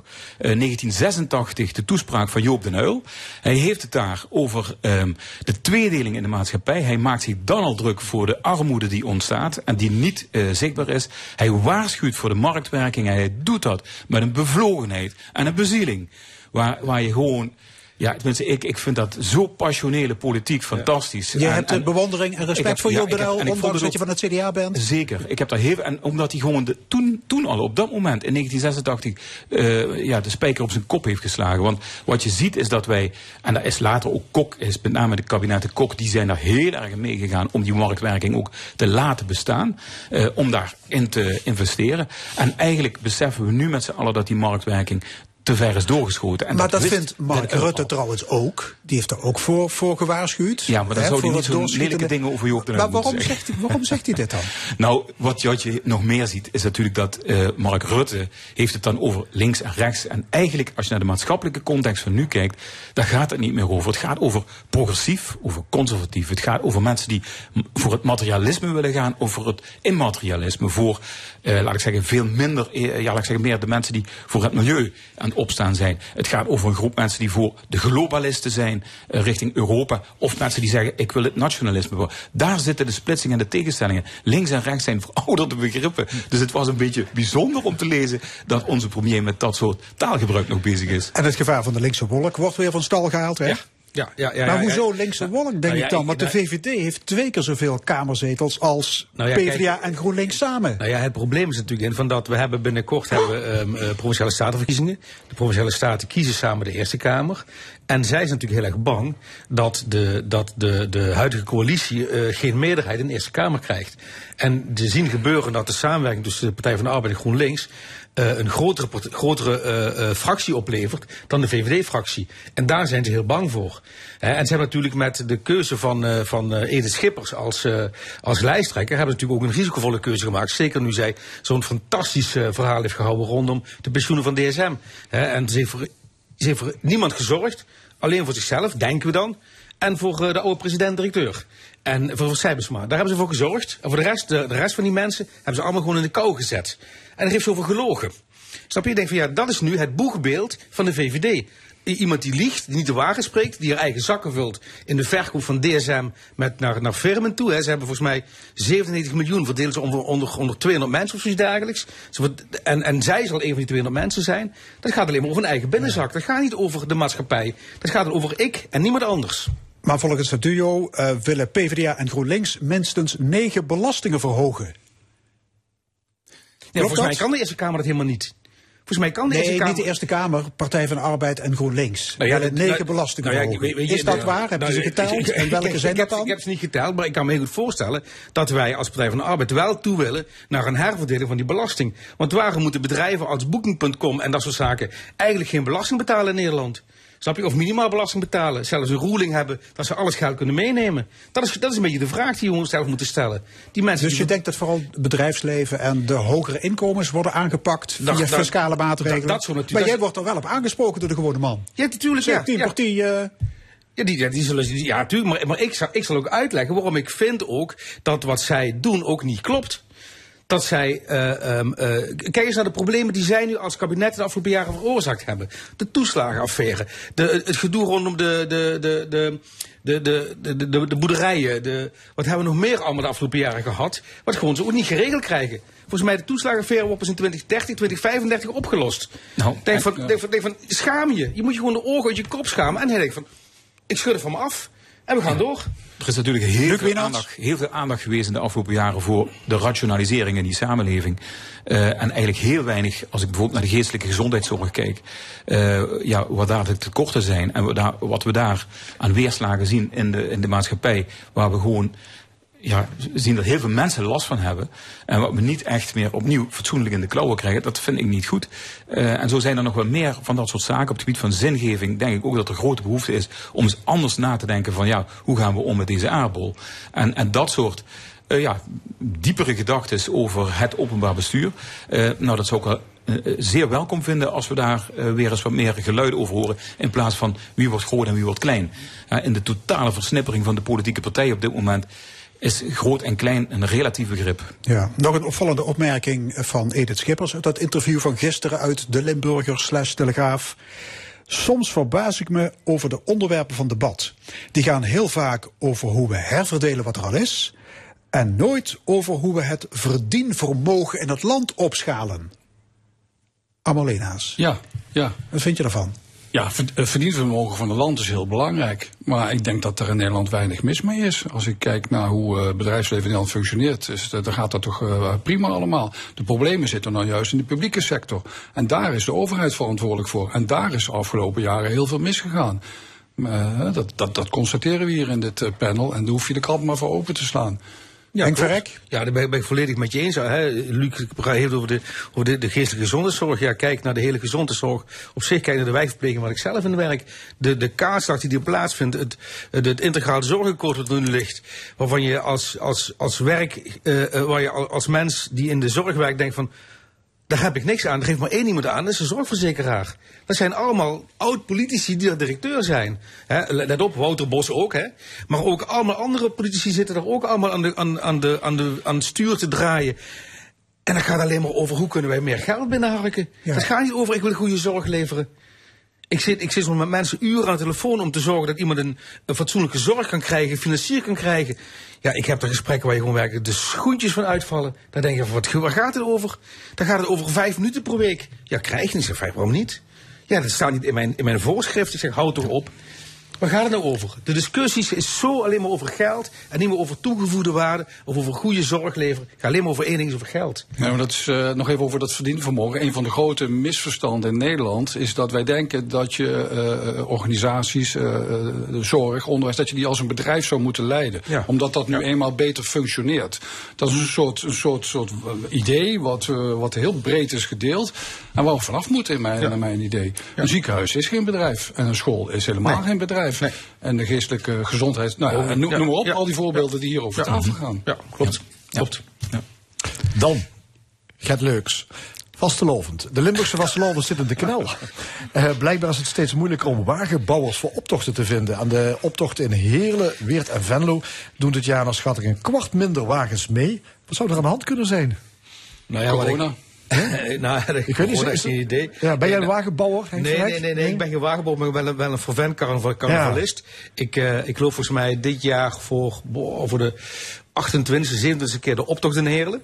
Met mijn eigen, eigen groep, het Kump. We zijn met een man of eh, elf samen, dus eh, fantastisch. Met drie gezinnen en kinderen. Met veel plezier altijd, doen we al jarenlang. We zijn echt gewoon proberen het tegengeluid van carnaval te zijn. Het carnaval van carnaval te zijn. Maar ik denk dat aan de ene kant, wat jij wat zegt, eh, corona is één stuk. Ik denk dat de mensen hebben geleerd. we- En, en ik denk dat misschien ook wel gewoon de financiële impact van alles van de afgelopen jaren gebeurd is. Dat dat ook heel erg beperkt. Ja, want Want ga, het maar, ook- ga maar eens naar de bouwmarkt om een panlat eh, te ja, kopen. Dan ja, een beetje, ja, ja, precies. ja. precies. Nee, nee, het is gewoon heel duur geworden. die heb je wel nodig voor een Ja, wagen ja, te Maar maken, ik hoorde ja. ook deze week van iemand van de Winkbullen die zei van... er doen dit jaar 150 groepen meelopen mee in de Je ziet dat een aantal groepen hebben zich samengevoegd. Dus zeg maar, drie kleine groepen worden één grote groep. Dus dat zie je aan de ene kant gebeuren. Maar er zijn gewoon ja, misschien wel minder mensen die die energie en die tijd willen steken in, in, eh, in eh, die carnaval. Want let op, hè, zo'n, zo'n, ja, wij maken onze pakken voor de vrouwen in ieder geval zelf. Hè, dat, doen, dat doen de vrouwen zelf. Maar eh, dat kost gewoon een klauw voor met geld op dit moment. Die stof is duur. De uren die erin zitten, ja, er zit gewoon er veel geld in zitten. Ja. Ja. Eh, ja, maar ja, zou het erg zijn als er minder wagens in een optocht rijden? Meegaan? Ja, Ja. Ik, ik denk dat carnaval, het is precies wat Henk zegt, het, het past zich natuurlijk altijd aan aan de tijd, ook aan, het, aan het, de mogelijkheden die mensen hebben om er überhaupt in te investeren, qua tijd en ook geld. Ehm, ja, het zal. Denk ik, ik, ik, vind- ik heb de indruk dat dat bij meerdere evenementen op dit moment toch is dat na corona, wat je ook al net zei, dat dat even toch duurt dat het weer allemaal op gang komt. Dat mensen, je zag de nieuwjaarsreceptie in het provinciehuis afgelopen jaar, die is ja, nog nooit zo, eh, ja, heeft nog nooit zo weinig bezoekers gehad. Ik zou denken, mensen hebben met corona dat moeten missen. Dat is nu een explosie. Maar dat, dat is Nee, nee, nee. Ik, ik, ik denk dat er toch in die coronatijd wel een paar dingen veranderd zijn. Je ziet ook dat mensen elkaar minder handen geven, minder snel een hand geven, Ja. minder kusjes geven Ja. en dat soort dingen. Dat is allemaal iets minder. Maar die carnaval, weet je, het, het hoeft niet per se met die optocht samen te hangen. Het gaat er toch denk ik om dat mensen dadelijk het gevoel hebben van, hè, we, we kunnen weer eens eh, gezellig carnaval vieren. En of dat nog met of zonder wagen is, eh, ja, dat, dat is niet per se noodzakelijk. Ja. Me er ook helemaal geen zorgen over. Nee. Ik, ik zie het meer als een doorstart. Ik kan me herinneren, vorig jaar, toen op een vrij laat stadium is het alsnog afgeblazen. Ja. Dat heeft ook voor veel teleurstelling Nee, het mocht doorgaan op optocht- laatst. De optocht, ja. Is vroeg afgeblazen. Ja. En toen hebben we een Heerlen op eh, zaterdagmiddag. Op zondag hebben we een alternatieve carnavalsoptocht georganiseerd. Door mensen die zijn gewoon door de stad getrokken. Fantastisch. Ik denk van daar moeten we voor gaan. Het moet niet gaan over, over dat, eh zoals we mooi Paulo Leeuw zeggen, van mannen met kapjes iets regelen. Het gaat over dat je iets met, het is een volksfeest hè. Ja. En daar moeten we voor gaan. Ja, een volksfeest zeg jij. Maar er zijn steeds meer evenementen die georganiseerd worden... waar je tegenwoordig entree voor moet betalen. Ja. Hè? Gisteren eh, artikel in de Limburger, wat waar op een rij gezet werd. Eh, dus dat volksfeest van je gaat op stap en je ziet wel wat er gebeurt... zo werkt het niet meer. Je moet van tevoren kaartjes hebben. Is dat, Ja, ja, ja. is dat, is dat een volksfeest? Nou ja, ja, ik weet niet of je het artikel, ik neem aan dat je het artikel gelezen hebt. Je ziet van dat, dat ehm, wij in ons eh, fantastische land ook steeds meer regels organiseren en steeds meer veiligheid organiseren. Ja. En dat betekent dat je aan veel meer eh, eh, zaken moet voldoen. En als je, een, eh, en als je een, eh, eh, het Rode Kruis moet inhuren, of als je eh, drangheiken moet huren, of beveiliging moet inhuren. Maar misschien moeten we wel stoppen met die grote evenementen op pleinen... waar dan artiesten komen optreden. Want dat, is dat nou de kern van carnaval? Ja, ik weet niet. Ik, ik zie toch dat, hè, neem nou in Venlo bijvoorbeeld de, de start van eh, de vastelovend, dat dat nog steeds druk bezocht wordt en dat er een grote strijd is voor die bandjes altijd. Hè, dat is altijd Ja. ook wel leuk. Ehm, ja, ik, ik, ik denk dat organisaties echt wel zoeken inderdaad naar mogelijkheden om die kosten te drukken, want, want het gaat op een gegeven moment ten koste van ehm, ja, het, het plezier ook eh, van mensen in, in, in het evenement. Ja, ik, misschien is het wel, wel een, een, optie dat men steeds meer teruggaat weer naar de kern. Kijk, straks eh, zal het Vrijthof vast en zeker ook weer vol staan. Eh, de straatcarnaval, de carnaval in de cafés. Nou, ik, ik hoop dat daar inderdaad weer ja, de wedergeboorte is van het volle, pure carnavalsfeest. En ik heb er ook wel alle vertrouwen in dat dat gaat Ja. gebeuren. Ja, het is wel eh, dat eh, je, je ziet ook dat er prinsen zijn die eigenlijk zelf bestuurders zijn. Hè? Dus dat is toch waar? Infiltratie. Daan de Eerste in Venray, die is tevens wethouder. Europarlementariër Vera Tax is prinses van de Gaasketel in Venlo. En dan is er in Maastricht Stefan de Eerste, die is bestuursadviseur van de gemeente. Ja, ja. Moet, moeten we dit soort mensen als prins en prinses willen hebben? Ja? Eh, iedereen moet eh, prins of prinses kunnen worden. Laten we alsjeblieft daar niet een eh, protocol voor gaan opstellen met wat wel en niet mag. Ik vind dit een beetje een non-item, gezegd. Ja, ja, zeker. Ik, ik ben zo trots op onze stadsprinsier Maastricht, Stefan de Eerste. Eh, hij, eh, dit wordt een hele ver- vermakelijke carnaval en een hele Nee, maar Luc, de eerste in Venray, waar je burgemeester bent geweest, dat kan toch niet? Ja, nee, niet Luc, hè? Nee, nee, Eh, Daan. Daan is Daan. Nee, jij, ik heb het Ja. over jezelf. Oh nee, nee, nee, nee, nee, dat lijkt mij geen goed idee. Kijk, het is natuurlijk zo dat het voortkomt als een traditie van, hey, bij carnaval dan nemen we de, de gevestigde orders Ja. even eh, in de tang en, en, dan, en dan wordt het inderdaad nog wel ingewikkeld als die mensen zelf op die stoel zitten. Maar goed. Getuigt wel van lef wat je dat doet, hè? Want als je zelf, Ja. eh, als, als je in die positie zit en je bent de prins. En, nou ja, Ja, die, die, man die wethouder is, die zegt van ik ben twee jaar geleden voor corona gevraagd en toen kregen we corona en vervolgens, en vervolgens eh, ehm, eh, had de corona geen nieuwe prins. Want er kwam er geen nieuwe prins, want hij zou eigenlijk twee jaar geleden prins zijn geworden. Dus hij is een soort uitgestelde Ja. prins. Hè? Dus dat is een beetje het verhaal daarachter. Dus ik zeg ja, ja ik, ik, eh, ik, ik, ik vind het wel vermakelijk. Kortom, een, een feest dat nimmer zal vergaan dan met de mensheid. We het hopen. Van Ja, wie- laten van we wie- het hopen. Weten jullie van wie die was? Godfried Bomans, geloof ik. Oké. Ja, ja. Carnaval blijven staan? Carnaval moet blijven Dat denk ik bestaan. zeker. Ja, Ja, echt, absoluut. echt. Een volksfeest tot en met. Zo mooi. Ja. Toen was het stil. Jij gaat mee met, hoe, hoe heet jouw groep? Het Kump. Het Kump. Het Kump. We lopen op 96 lopen wij de optocht mee als het Kump. Ja. En, eh, Ja. ja, en, en verder zijn we vooral in Heerlen in eh, ons eh, dorpscafé. Ja, Ik Luc, wat, eh, wat, wat was jouw rol? Nee, nee ja, ik, ik ga eens even goed zitten voor de sleuteloverdracht in het stadhuis van Maastricht. Want dat wordt natuurlijk erg leuk. Annemarie Pen met haar laatste sleuteloverdracht. En Stefan, daar tegenover, dat wordt vermakelijk. Ja, Armo? Ik sta zondag in Heerlen bij de optocht en maandag in Welten. Oké. Ja, Pen kan niet meer de sleutel aan zichzelf geven, hè? Nee. Want dan is, dan is het al wij als burgemeester. Oké. Hartelijk dank, discussiepanel. Vandaag met Luc Wienans, Armo Leenaars en Henk Verrek. Tot eh, de volgende keer. En dit was de stemming vandaag gemaakt door Edwin Maas, Fons Geraerts en Frank Ruber. Graag tot volgende week zondag, 11 uur. Dit programma is na te luisteren op onze website l1.nl. En zometeen op deze zender Paul Verstegen met de zalige zondagmiddag. Ik wens u nog een hele mooie zondag.